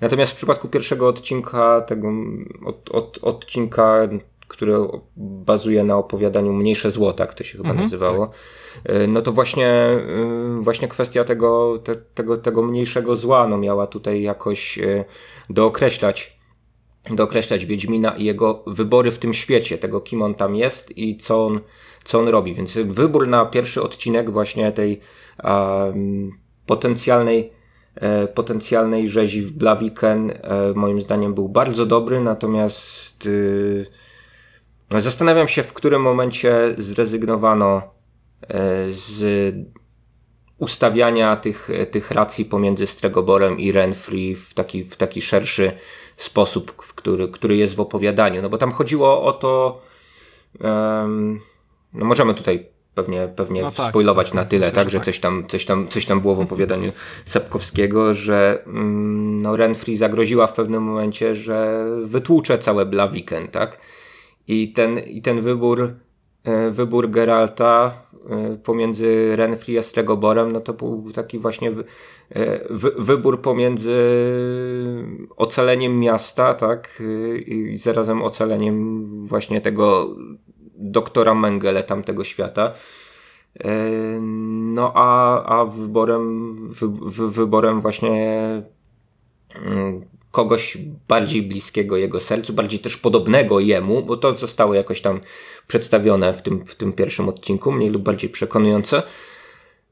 No, ale to, ale to właśnie nie, nie wybrzmiewa ze względu na y, o wiele zmniejszoną wagę tego, tego problemu po pierwsze. To znaczy wręcz, y, wręcz tutaj problemem tego odcinka dla mnie jest to, że, y, że tak naprawdę nie wiemy czemu Geralt zwraca się jednak przeciwko Renfri, że dlaczego on sobie nie pójdzie jednak stamtąd i nie tak, zostawi tak, tych, tak. No właśnie, tych ludzi samych sobie, tak? No pierwszy odcinek nie ustawia tego serialu w żaden sposób. Zgadzam się, że Mniejsze Zło jest bardzo dobrym wyborem, bo ono bardzo dużo mówi nam i o Geralcie, i o no, o takich głównych założeniach Sapkowskiego, czyli w tym przypadku można by je było przełożyć na serial, czyli właśnie tych e, dylematach moralnych i tak dalej, które nigdy nie są dobre, ale no, w rezultacie wydaje mi się, że serial po prostu nie może się zdecydować ani e, o czym chce być przede wszystkim, bo mówisz, że to przeznaczenie to jest dylemat sezonu, ale ono też wystarczająco według mnie tam nie wybrzmiewa, bo jest przez inne dylematy zasłonięte, ani nie umie się zdecydować co do swojej struktury. I to splecenie właśnie przecież popularne no,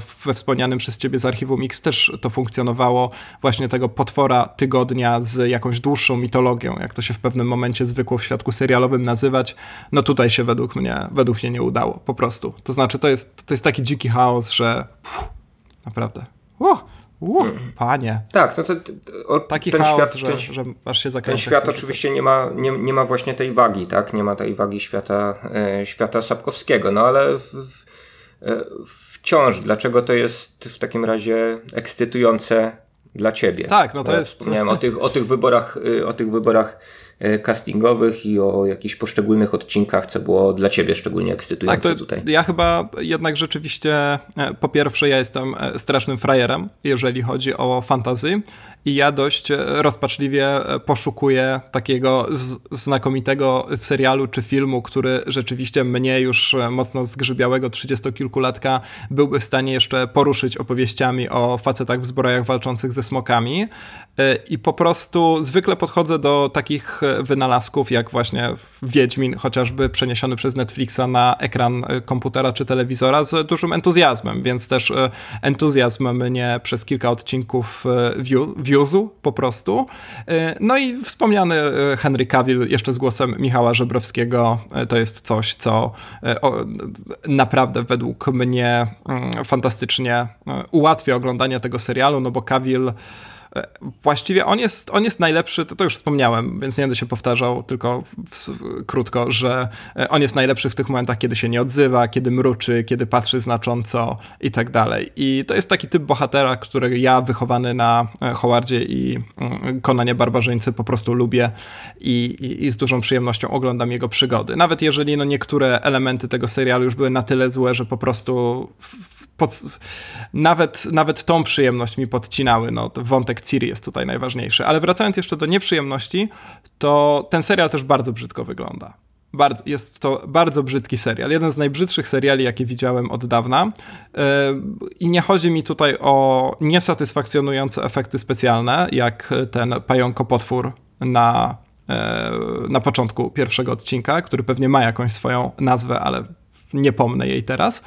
Chodzi mi o wybory dotyczące kolorów, E, dotyczących postprodukcji obrazu, dotyczących e, cyfrowej kolor korekcji, przez co cały ten serial wygląda niezwykle sztucznie. Niezwykle. To znaczy, nawet jeżeli oni stoją na tle ściany autentycznego zamku, oni, czyli jacyś bohaterowie w kadrze, to wyglądają jakby stali na tle sztucznie wykreowanej przestrzeni i naprawdę te decyzje dotyczące korekcji kolorów i innych takich zabiegów, e, które wpływają właśnie na samą na sam obraz e, dla mnie no, bardzo utrudniały oglądanie. Naprawdę. Musiałem się do tego mhm. chyba przez cztery odcinki przyzwyczajać.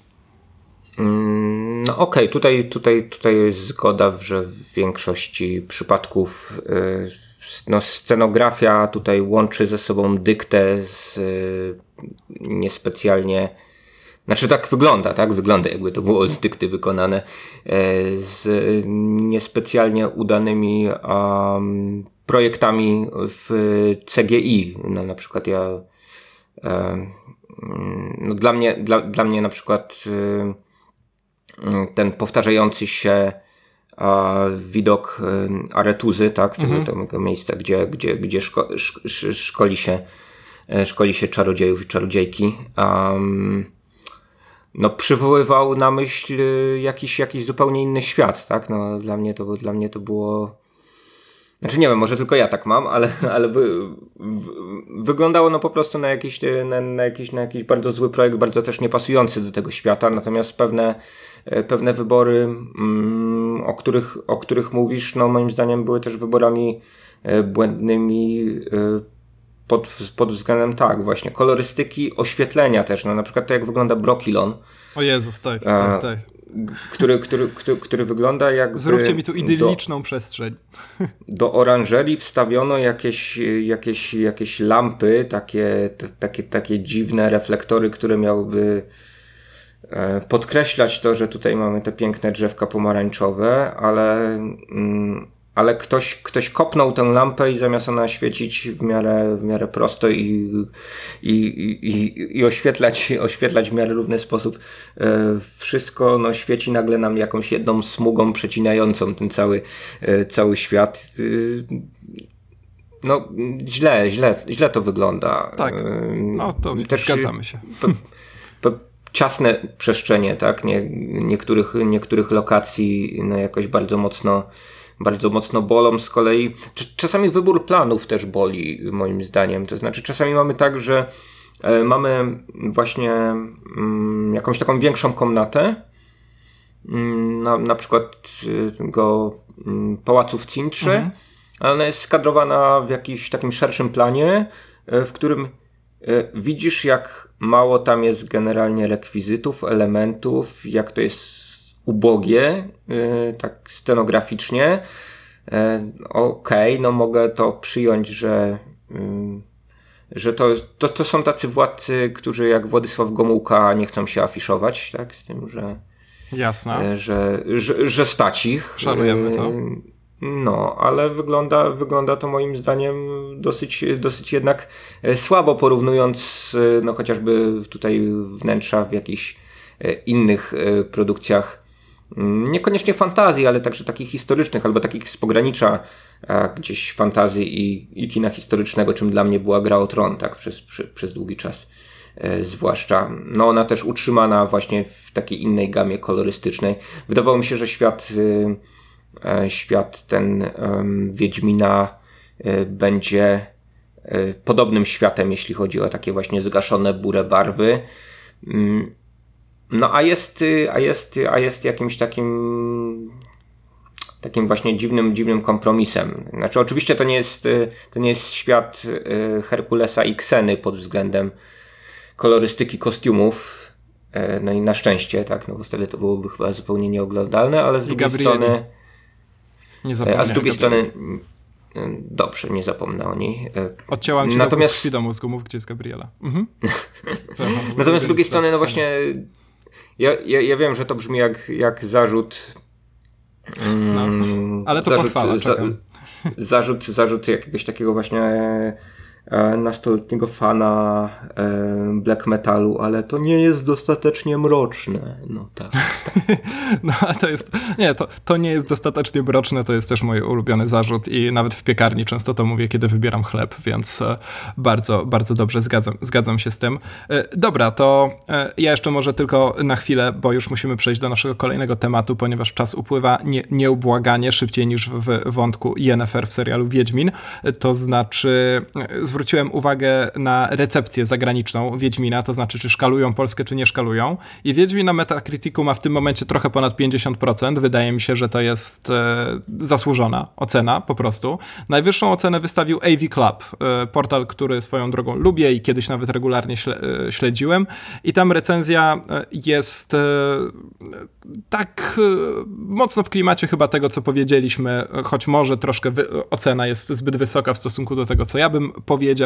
E, tutaj rzeczywiście autor, tak, bo to jest chyba pan, stwierdza, że odcinki są e, po prostu stosunkowo coraz lepsze, że e, autorzy serialu powoli zaczynają uczyć się na swoich błędach e, i że w sytuacji, w której ten serial przestanie naśladować grę o Tron, ja nie do końca się zgadzam z tym, że naśladuje, to ja będzie, będzie tylko lepszy. W tym naśladowaniu chodzi o to, że jeżeli teraz krytycy widzą gdzieś taki anturaż fantastyczny, do tego widzą gołe piersi i trochę krwi, no to od razu już stwierdzają, że to jest gra o Tron, więc no właśnie dla mnie to jest zupełnie, zupełnie absurdalne. No tak, dlatego, no bo że, gra o Tron mocna jest raczej intrygami dynastycznymi niż, Otóż to. E, niż Otóż to. No i, tam, i, no i tam właśnie ta geopolityka świata była bardzo istotna, tak? a z niej tutaj zrezygnowano na rzecz no, przygód konkretnych bohaterów, tak? Więc jakby idziemy, idziemy za postaciami, a nie nie za czymś y, jakby większym od postaci, tak, co, co, co, co było gdzieś tam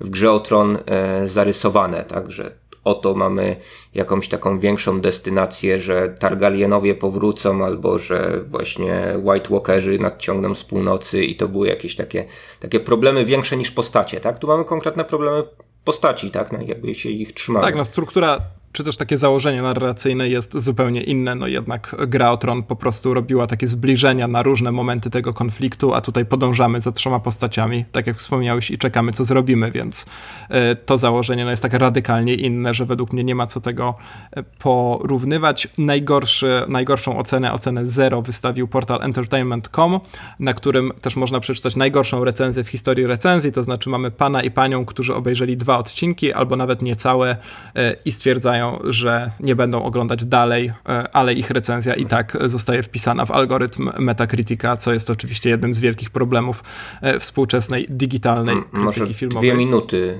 Może tak, może się zaliczyli. Wystarczało tak, dla może się zaliczyli, zaliczyli do tego. Mnie chyba najbliżej w ogóle jest do recenzji w New York Timesie, gdzie autor pisze o tym, że jest to po prostu, wystawiając coś około 60% według tego, jak Metacritic liczy te oceny, że Wiedźmin to jest po prostu e, żadna wielka opowieść właśnie w stylu gry o tron, znowu wracamy do tego nieśmiertelnego chyba porównania, y, tylko po prostu taka dobra na sobotni poranek rozrywka fantazy. I jak najbardziej ja się z tym zgadzam, dlatego ten serial mi się podoba, a jednocześnie jest y, na tyle mm, zarysowany takimi większymi ambicjami, żeby podobać mi się dużo bardziej niż Mandalorianin, którego też możemy w tych e, kategoriach pewnie rozpatrywać. E, dobra, e, mamy 20 minut. Podob podobają ci się wybory obsadowe? Jeszcze tak tylko zapytam, no bo ja mówiłem o tym castingu, ale niekoniecznie się musisz z tym A, zgadzać. Tak, podobają mi się. Nie zgadzam się z zarzutami co do tej dziewczyny, która gra Ciri. Uważam, że ona jeszcze nie miała co zagrać, więc no, dobrze mm. wygląda, kiedy no, ale jest na razie jest, Ale biega, na razie jest no, okay. najsłabsza z tych najważniejszych postaci, prawda? Bo wydaje mi się, że tutaj Tutaj zarówno właśnie wybór Henry'ego Cavilla do roli Geralta, jak i wybór Ani Szalotry do ba, ba, bardzo gdzieś tam e, kontestowany na poziomie... To bardzo polsko się nazywa, jak się nazywa Ania Szarlotka. E, no tak. E, tak. E, żarty. Jako Bolesław mam mm. prawo do żart z imion, więc e, proszę, proszę mi to wybaczyć. E, wy, mhm. wy, wydaje mi się, że ona, ona tu się sprawdza absolutnie. Ja jestem w, w ogóle fanem też tego, co z Jaskrem zrobił Joey Beatty, tak, który w ogóle no, ma, tak, oczywiście. Ma, ma, ma, ma, ma super wypowiedzi Śpiewałeś na temat... na Sylwestrze? Akurat no nie śpiewaliśmy songu, songu Wiedźmińskiego, śpiewaliśmy różne inne rzeczy, ale w apce, którą się bawiliśmy, nie było tego.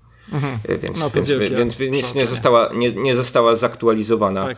E, odpowiednio, natomiast polecam serdecznie na YouTubie można wysłuchać też e, interpretacji w wielu językach, takiej multijęzykowej interpretacji tego e, no już klasycznego teraz songu Toss a coin to the Witcher, tak. Po, polecam, polecam. Tak, po, polecamy. I... No i, y, no i Joy, Joy, Joy, Joy Beatty przebił nawet Zbyszka Zamachowskiego. To, nie, nie, było to łatwe, ale udało się. Tak, wysoko zawieszona poprzeczka. Ja tutaj chwalę wszystkich polskich aktorów dubbingowych, e, łącznie z reżyserem albo reżyserką. Nie znam niestety nazwiska. Bardzo fajna robota. E, dobra, została nam dosłownie chwila tego podcastu, a chcemy krótko opowiedzieć o premierze, która ma miejsce już chyba w ten piątek. E, Michał, opowiadamy o biopiku, o wielkiej gwieździe Hollywood, co oznacza, że zbliżamy się do sezonu Oscarowego, prawda? Lepszego znaku chyba y, nie możemy się spodziewać niż to, że no, takie filmy tak, pojawiają się w kinach. Gdzieś, gdzieś, gdzieś na poziomie koncepcji już y, film Judy, bo o nim mamy mówić kilka słów, jakby spełnia te wszystkie kryteria, tak filmu, który woła rzuć mi Oscara, tak? Rzuć Oscara Bo swoje jednak, no właśnie, dokładnie, dokładnie tak. Y, mamy, mamy postać, postać autentyczną, postać y, aktorki Judy Garland. Aktorki, no czyli to mamy jeszcze bliżej tego środowiska właśnie hollywoodzkiego. Też y, Akademia Oscarowa takie filmy filmy lubi. Mamy Renę Zellweger w roli, w roli głównej, więc e, taką aktorkę, która no trochę gdzieś tam e, zniknęła z tego hollywoodzkiego firmamentu, na którym no była gdzieś, gdzieś jeszcze w okolicach no takich filmów jak Jerry Maguire czy Chicago. Więc trochę, tro, trochę, jej, trochę jej nie było w tych takich wa ważnych filmach, a tutaj no, mówi się o tak, właśnie roli życia i tak dalej. No plus oczywiście E, te wszystkie, wszystkie kwestie zmienię się tak, żebym wyglądała jak ktoś, e, ktoś rzeczywisty, e, no, które przerabialiśmy przy okazji nakładania maski pośmiertnej Margaret Thatcher na, Meryl Streep, tak. na Meryl Streep, tak, i, i w przypadku, w przypadku wie, wielu innych pozycji. Tak, to może tylko powiedzmy szybko, że to jest no ta najbardziej e, hollywoodzka z hollywoodzkich historii. Sama historia Judy Garland, oczywiście e, za małej dziewczynki wielka kariera, czarnoksiężnik z krainy Oz przede wszystkim, e, a później już niestety taki stopniowy upadek, pięć nieudanych małżeństw, a na pewno cztery nieudane, nie wiem jak wyglądało to piąte, problemy z narkotykami, z alkoholem, oczywiście w dużej mierze mm, z winy tej okrutnej hollywoodzkiej machiny, którą to biedną Judy, która tą biedną, biedną Judy rzeczywiście okrutnie mieliła no, od, od, od niemal samego początku jej życia, więc jest to taki e, no, rasowy wręcz wyciskacz łez, idealny do przeniesienia na ekran. Szkoda, że rzeczywiście oparty na boleśnie prawdziwej historii, ale wydaje mi się, że dzisiaj, kiedy myślimy właśnie o takich historiach, jak na przykład Narodziny Gwiazdy, dajmy na to, w której przecież Judy Garland zaliczyła jeden ze swoich powrotów, e, no to po prostu możemy pomyśleć o, o, o życiu, o życiu Judy i tyle. Więc teraz dostajemy e, wersję filmową, aczkolwiek jest to wersja zaadaptowana z musicalu broadwayowskiego i opowiada o ostatnich nie wiem, czy o ostatnim roku, ale na pewno o ostatnich latach życia Judy Garland. O ostatnim roku. Ostatnim roku, okej. Okay. No, 68 spoiler, chyba, tak? tak? Coś takiego. E, tak, spoiler, Judy Garland nie żyje. E, która... Mm, usiłuje zaliczyć wielki powrót na kabaretowej scenie w Londynie, no a to wszystko e, poprzedzielane jest takimi scenami retrospekcji, która, w których e, młoda Judy pod e, ogromną dłonią złowrogiego Majera, szefa MGM-u oczywiście, zaczyna robić karierę jako, jako taka dziecięco-nastoletnia gwiazda. Tak, no ale zaznaczmy, że tych retrospekcji jest oczywiście dużo mniej tak, niż tak, tego, te, te, tego materiału z roku 1968 i wobec tego nie mamy tutaj do czynienia z takim biopikiem, który by rzeczywiście streszczał życie danej gwiazdy. On, on po prostu no, stara się za pomocą tych retrospekcji no, przerzucić pomost pomiędzy tym, kim Judy Garland gdzieś tam u schyłku swojej kariery e, się stała. Dlaczego tak się stało? Natomiast no wydaje mi się, że trochę, trochę słabo problematyzuje ten temat i można byłoby pójść taką, takim tropem, to by było, wydaje mi się, arcyciekawe.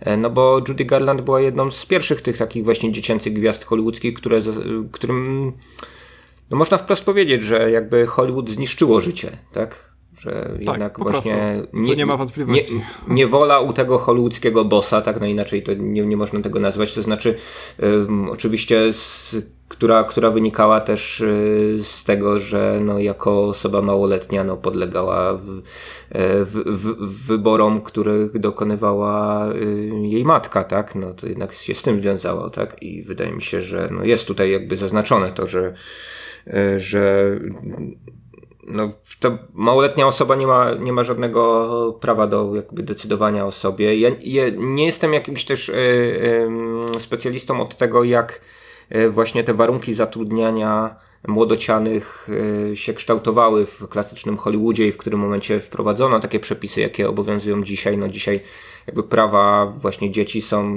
chronione, wydaje mi się, w daleko szerszym szerszym stopniu niż miało to miejsce no, pod koniec lat 30., e, kiedy kręcono Czarnoksiężnika z krainy Oz. No i dzisiaj no, na przykład właśnie kwestia tego no, prawa do edukacji, prawa do tych y, wielu przerw podczas pracy na planie albo pracy tylko przez, przez kilka godzin w dużo mniejszym wymiarze pracy niż, niż właśnie niż te dorosłe gwiazdy, no tak, żeby zostawić trochę jednak przestrzeni na, na, na takie dziecięce życie po prostu, tak? No to, to, to, to, to wszystko dzisiaj jest yy, no, regulowane w jakiś sposób no i, i sprawdzane, tak? No jednak podlegające Mm, jakimś sankcją w przypadku, w przypadku no, naruszenia no, tego. No tak, tak, ale film, tak jak powiedziałeś, nie jest e, opowieścią o małoletniej gwieździe, tylko raczej tak, no, dorosłej, no, znaczy, zmęczonej kobiecie. O, tak, bo ja zacząłem w kontekście takim życzeniowym, że no, no fajnie by było, gdyby ten film trochę, trochę właśnie mocniej to wszystko akcentował i pokazywał, jak bardzo jednak e, właśnie zniewolona była ta, e, ta gwiazda dziecięce, no bo też e, wiemy trochę o tym, że, że generalnie gwiazdy były zniewolone tak zwanym star systemem, tak, tym podpisywaniem kontraktów z wytwórniami, który no, jakby zmuszał ich do tego, żeby e, pracować w danej wytwórni. Dzisiaj mamy jakąś tam wolność artystyczną dla aktorów, którzy sobie przepływają pomiędzy różnymi producentami, różnymi franczyzami i mogą nawet E, zagrać kilka postaci superbohaterskich w różnych, e, w różnych uniwersach. E, no a tutaj, tutaj właśnie mieliśmy do czynienia z no, historią właśnie smutnego życiorysu takiej osoby, osoby mm, zniewolonej, no ale mamy ten schyłek, schyłek jej kariery, wobec czego mm, ten film no, przybiera postać portretu E, osoby w absolutnym dołku, osoby uzależnionej, osoby, która no już jak wiemy właśnie z tego, z tego życiorysu jakoś nie, nie jest w stanie się życiowo z tego, z, te, z tego podnieść, czy jest w stanie wykonać jakiś jeszcze taki właśnie ostatni skok, czy jest w stanie wykonać łabędzi śpiew, no to o, o to E, o to tutaj jakby chodzi mhm. w tej takiej intrydze dosyć, dosyć prostej. Tak, no dla mnie Judy jest niestety filmem z takiej kategorii, o która, w której, przepraszam, mieszczę filmy, po, o których myślałem, że będą dużo gorsze, a nie są aż tak złe. I dlatego to mi w trochę taki zwodniczy sposób e, każe myśleć e, raczej cieplej niż zimniej o tym filmie, ponieważ e, wchodząc do kina na American Film Festival na seans Judy rzeczywiście spodziewałem się takiego biopiku, który po prostu odhacza kolejne elementy jej życia. W rezultacie, tak jak powiedzieliśmy tutaj krótko zarysowując strukturę tego filmu, w Judy mamy do czynienia rzeczywiście ze skupieniem się na mm, no tak naprawdę przede wszystkim kilku miesiącach z jej życia, co jest bardzo dobrym rozwiązaniem. Nie zmienia to faktu, że film rzeczywiście bardzo często wpada w takie biopikowe mielizny i uproszczenia, i w, re, w rezultacie, kiedy nabieram już do niego jakiegoś dystansu, to, to muszę stwierdzić, że do arcydzieła to, to temu jest daleko, no zwłaszcza końcówka tego filmu, która jest po prostu no takim uderzeniem poniżej pasa po prostu, takim najprostszym emocjonalnym zagraniem może w bardzo łatwy sposób podważyć wszystkie jakieś pozytywne emocje, które wcześniej się wydarzały. No i faktycznie jest tam bardzo dużo uproszczeń dotyczących konstrukcji postaci, które Judy otaczają i tak dalej. Także zamysł tego filmu, zamysł na historię, na wybór konkretnego rozdziału ze smutnego życia Judy Garland jest znakomity. Zwłaszcza cieszy to, że nie jest to na przykład okres, nie wiem, nagrywania narodzin gwiazdy, co nie przeszkodziło polskiemu dystrybutorowi reklamować tego filmu jako odrodzenie gwiazdy chyba, tak? Bo tak jest chyba tagline na polskim plakacie Judy. W każdym razie był, kiedy ostatni raz, czyli z trzy miesiące temu patrzyłem na jego projekty. E, I cieszy, cieszy zatem ten wybór, co nie zmienia faktu, że sama realizacja rzeczywiście jest niestety mm, no, pełna takich e, emocjonalnych, banalnych e, zagrywek. Czy jest to najlepsza rola René Zellweger? No oczywiście nie jest to najlepsza rola René Zellweger, bo najlepsza jej rola to film Do diabła z miłością i słynny trzyminutowy dialog, w którym zdradza bodajże Iwanowi McGregorowi, kim naprawdę jest. Więc jeżeli chcecie wracać do scen, za które Zellweger powinna dostać Oscara, to niekoniecznie będzie to wzruszające odśpiewanie e, które, któregoś z hitów Judy Garland, ale właśnie ten efektowny monolog. I, i, i do, tego, do tego będę naszych słuchaczy regularnie odsyłał. Swoją drogą Zellweger ma już Oscara, za drugi plan, za film bardzo przeciętny zresztą, Wzgórze Nadziei. No czy teraz dostanie? No na pewno dostanie nominację. Myślę, że co do tego nie mamy żadnych wątpliwości. Prawda? Tak, no, jestem zaskoczony tym, że e, tak cenisz film do Diabła z miłością. Tą scenę bardzo sobie cenię. Okej. Okay. Nie, mnie ten film też się, te, też się bardzo podobał, tak trochę, trochę zapomniany i wydaje mi się, że no jednak y, mający no bardzo, bardzo mieszane recenzje, a E, w bardzo dla mnie udany sposób e, wskrzeszający ducha screwball comedy, tak. klasycznej no. komedii, e, komedii hollywoodzkiej z lat 30. jeszcze głównie i 40., no kiedy to królowało. Tak, no i to jest rzeczywiście film, w którym aktorzy, no zresztą jak w takiej rasowej, skru, rasowej screwball comedy muszą wykazać się ogromną gamą umiejętności i fizycznych i właśnie dotyczących samego przedstawiania czasem bardzo dziwacznych, czy to dialogów, czy monologów, jak w przypadku tej sceny, o której wspomniałem. E, no i tyle.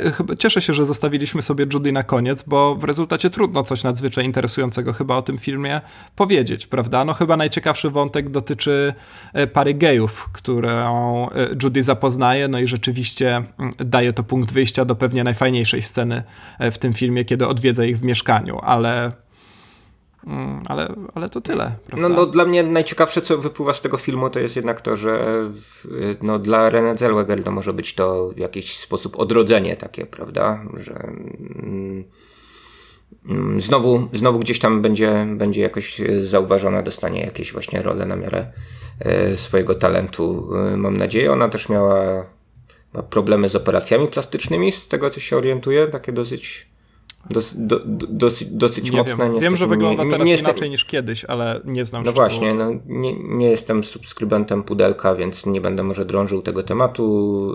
E, jeżeli słuchacze coś wiedzą na ten temat więcej, no to mogą E, oświecić mnie e, w tej materii. E, natomiast no, wydaje mi się, że, że tej, tej aktorce to się, to się powinno przysłużyć i że to jej łabędzi śpiew w przeciwieństwie do Judy Garland, którą odtwarza, nie będzie. Czy będzie za to Oscar? Chyba nie, mimo wszystko. Hmm, chociaż analizy Oscarowe to sobie pewnie przedstawimy, prawda? Jeszcze. Tak, oczywiście, to broń Boże, nie, dwa, nie wybiegajmy w przód. tygodnie. No dobrze, no to, no to na, na, na, te, na te pytanie e, odpowiemy tak, to... innym razem, a teraz chyba musimy trochę mm, przyspieszyć do, do, do końca naszego nagrania, tak? Bo żeby, żeby zmieścić się w w ramówce telewizyjnej. Tak, a czy chcesz, e, ale to chcesz jeszcze jakiś temat poruszyć? E, czy chcesz zakończyć podcast e, tą naszą najkrótszą recenzją w historii ścieżki dźwiękowej? Czy chcesz może w ciągu pięciu minut przedstawić listę swoich ulubionych filmów 2019? No mieliśmy taki plan, prawda mówiąc, ale wydaje mi się, że ten, że ten plan może, może przerzucimy na następny odcinek. Chyba, że po prostu je wymienię na zasadzie Tak, dokładnie. I więcej o tym w następnym y, odcinku. Znaczy, mógłbym tak powiedzieć, gdyby nie to, że o części tych filmów, które mi się szczególnie podobały w tym Ale roku, a w zasadzie w drugim półroczu, bo o pierwszym półroczu No sobie o, mówiliśmy, mówiliśmy wcześniej. E, No jednak jakoś omawialiśmy, tak, przy okazji różnych e, s- spotkań remanentów. E, Tak, bo wi- widzę, jak tutaj czas nieubłaganie ucieka i dlatego przerzuciłem się na tryb Macieja Orłosia, a w zasadzie to nie Macieja Orłosia, tylko tego drugiego człowieka, który gdzieś tam zawsze w Teleekspresie mówi w taki sposób, że trzeba jednak puścić go w mm, zwolnionym tempie. No dobra, może tyle. Świetnie wykorzystałeś ten E, krótki czas. przyspieszonego, przyspieszonego trybu. Już, już go nie mam, tak? Już teraz nie, ma czasu, żebym cokolwiek powiedział. E, No nie, Ukryte życie e, Terensa Malika, wydaje mi się, że to jest najlepszy film, jaki widziałem w tym roku. E, Znaczy w poprzednim już w tym momencie roku. I o nim trochę przy okazji American Film Festivalu e, mówiłem więcej, więc tu się nie będę rozwodzić. E, Gdzieś w tej trójce najlepszych filmów znalazłby się e, Młody Ahmed, e, braci Dardem. On niedługo w kinach, Właśnie, podobnie tak, tak, jak tak, już. Ukryte życie Malika, więc to oba te filmy będziecie mogli nadrobić, a być może o braciach Darden nam się uda porozmawiać trochę więcej. Także o ich wcześniejszych filmach, przy okazji właśnie premiery Młodego Ameda. Mm, No i jakieś takie zaskoczenie mm, ostatnich tygodni dla mnie, to znaczy nie zaskoczenie dla mnie ostatnich tygodni, ale w sensie to, że ten film wszedł do y, polskich kin i że można go wciąż oglądać gdzie nie gdzie, mm, to Kraina Miodu. Do, film dokumentalny. Piękny dokument. Tak, zarazem etnograficzny yy, i e, ekologiczny i opowiadający trochę o tym, co się dzieje we współczesnym świecie i o świecie, który już, którego już w zasadzie nie powinno być, a którego jakieś tam zręby gdzie, gdzieś, tam, gdzieś tam istnieją, także zachęcam do odwiedzin Krainy Miodu, nie wiem w ilu kopiach to Polsce Tak, ale warto poszukać. można obejrzeć, ale, ale to warto, warto, warto pokręci, po, pokręcić się po kinach i poszukać tego filmu. E, A twoja trójeczka? Tak, no ja y, przeglądając sobie przed odcinkiem, też będę teraz tak szybko mówił jak ty, przeglądając przed odcinkiem premiery 2019 roku, wypisałem sobie sześć tytułów. Zauważyłem, że jest to trochę nieuczciwe w stosunku do naszego podsumowania pierwszego półrocza, ale co z tego? I te filmy to Faworyta na noże, Szczęśliwy Lazaro, Monument, John Wick 3 oraz Boże Ciało. O każdym z tych filmów rozmawialiśmy już w podcaście, który nazywa się Ścieżka Dźwiękowa, z wyjątkiem filmu John Wick 3, y, który mnie absolutnie y, zmiażdżył, wgniótł mnie w ziemię i kazał gdzieś tam przebić do najgłębszych pokładów katowickich kopalń, bo tamten film oglądałem. Nie jestem w stanie wyobrazić sobie, w jaki sposób choreografie w trzecim Johnie Wicku powstały i to takie dziecięce poczucie głębokiego zadziwienia i zaniemówienia całkowicie wystarcza mi, żeby wrzucić go na jakąś listę tych e, trzech najlepszych filmów, a tak naprawdę sześciu najlepszych filmów w dystrybucji polskiej. Do tego dwa filmy, które dystrybucji się jeszcze nie doczekały. Jeden na pewno, drugi może kiedyś jednak na polskich kinach się pojawi. To są filmy, o których już rozmawialiśmy w ścieżce dźwiękowej, a właściwie ja o nich opowiadałem. To jest film Tlames najgorszy film konkursu Nowe Horyzonty według głosowania publiczności oraz film, in, film Interior Marka Lechkiego, o którym e, opowiadałem chyba w tym samym odcinku a propos Gdyni, a może to były dwa osobne odcinki. W każdym razie e, odsyłam do tego jednego albo dwóch osobnych odcinków i tam trochę szerzej o tym. Jeżeli będziecie mieli okazję któryś, któryś z tych filmów zobaczyć, to serdecznie, serdecznie zachęcam. Uff, I tyle. Em, Teleexpress. Pozdrawiam. No, to udało nam się, tak? Tak. W dwóch godzinkach zmieścić w takim razie. Tak, e, dziękujemy, dziękujemy bardzo. Dziękujemy bardzo za ten 2019 rok. E, Jak podliczyłem, nagraliśmy bodajże ponad 32 godziny materiału, który został podzielony na 20 odcinków. I mówimy od razu, tak już będzie zawsze. To znaczy, nie wyobrażam sobie, żeby w 2020 powstał jakiś odcinek e, krótszy niż godzina. Więc e, no, serdecznie pozdrawiamy tych, którzy są w stanie rzeczywiście wytrwać te, te długie dyskusje o kinie, bo, no bo inaczej się o kinie rozmawiać nie da. Nie udawajmy tego po prostu. Dokładnie. Trzeba zachować zasady dekorum. Jeżeli mówimy o dwugodzinnym filmie, to minimum przez dwie godziny. Jeżeli o trzy godziny, przez trzy godziny. I do A jeżeli tego o dążymy. Judy, to tak? przez 12 minut. O właśnie. E, trochę nam się te proporcje zaburzyły. Dobra, to bardzo dziękujemy. Drodzy słuchacze, pamiętajcie, żeby polubić naszego fanpage'a, żeby wystawić recenzję w którejś z aplikacji, w której słuchacie podcastów, powiedzieć o ścieżce dźwiękowej jednej losowej osobie na ulicy i tyle. Do usłyszenia. Z samych udanych wyborów filmowych w roku 2020 życzy ekipa ścieżki dźwiękowej. Sayonara żółwie.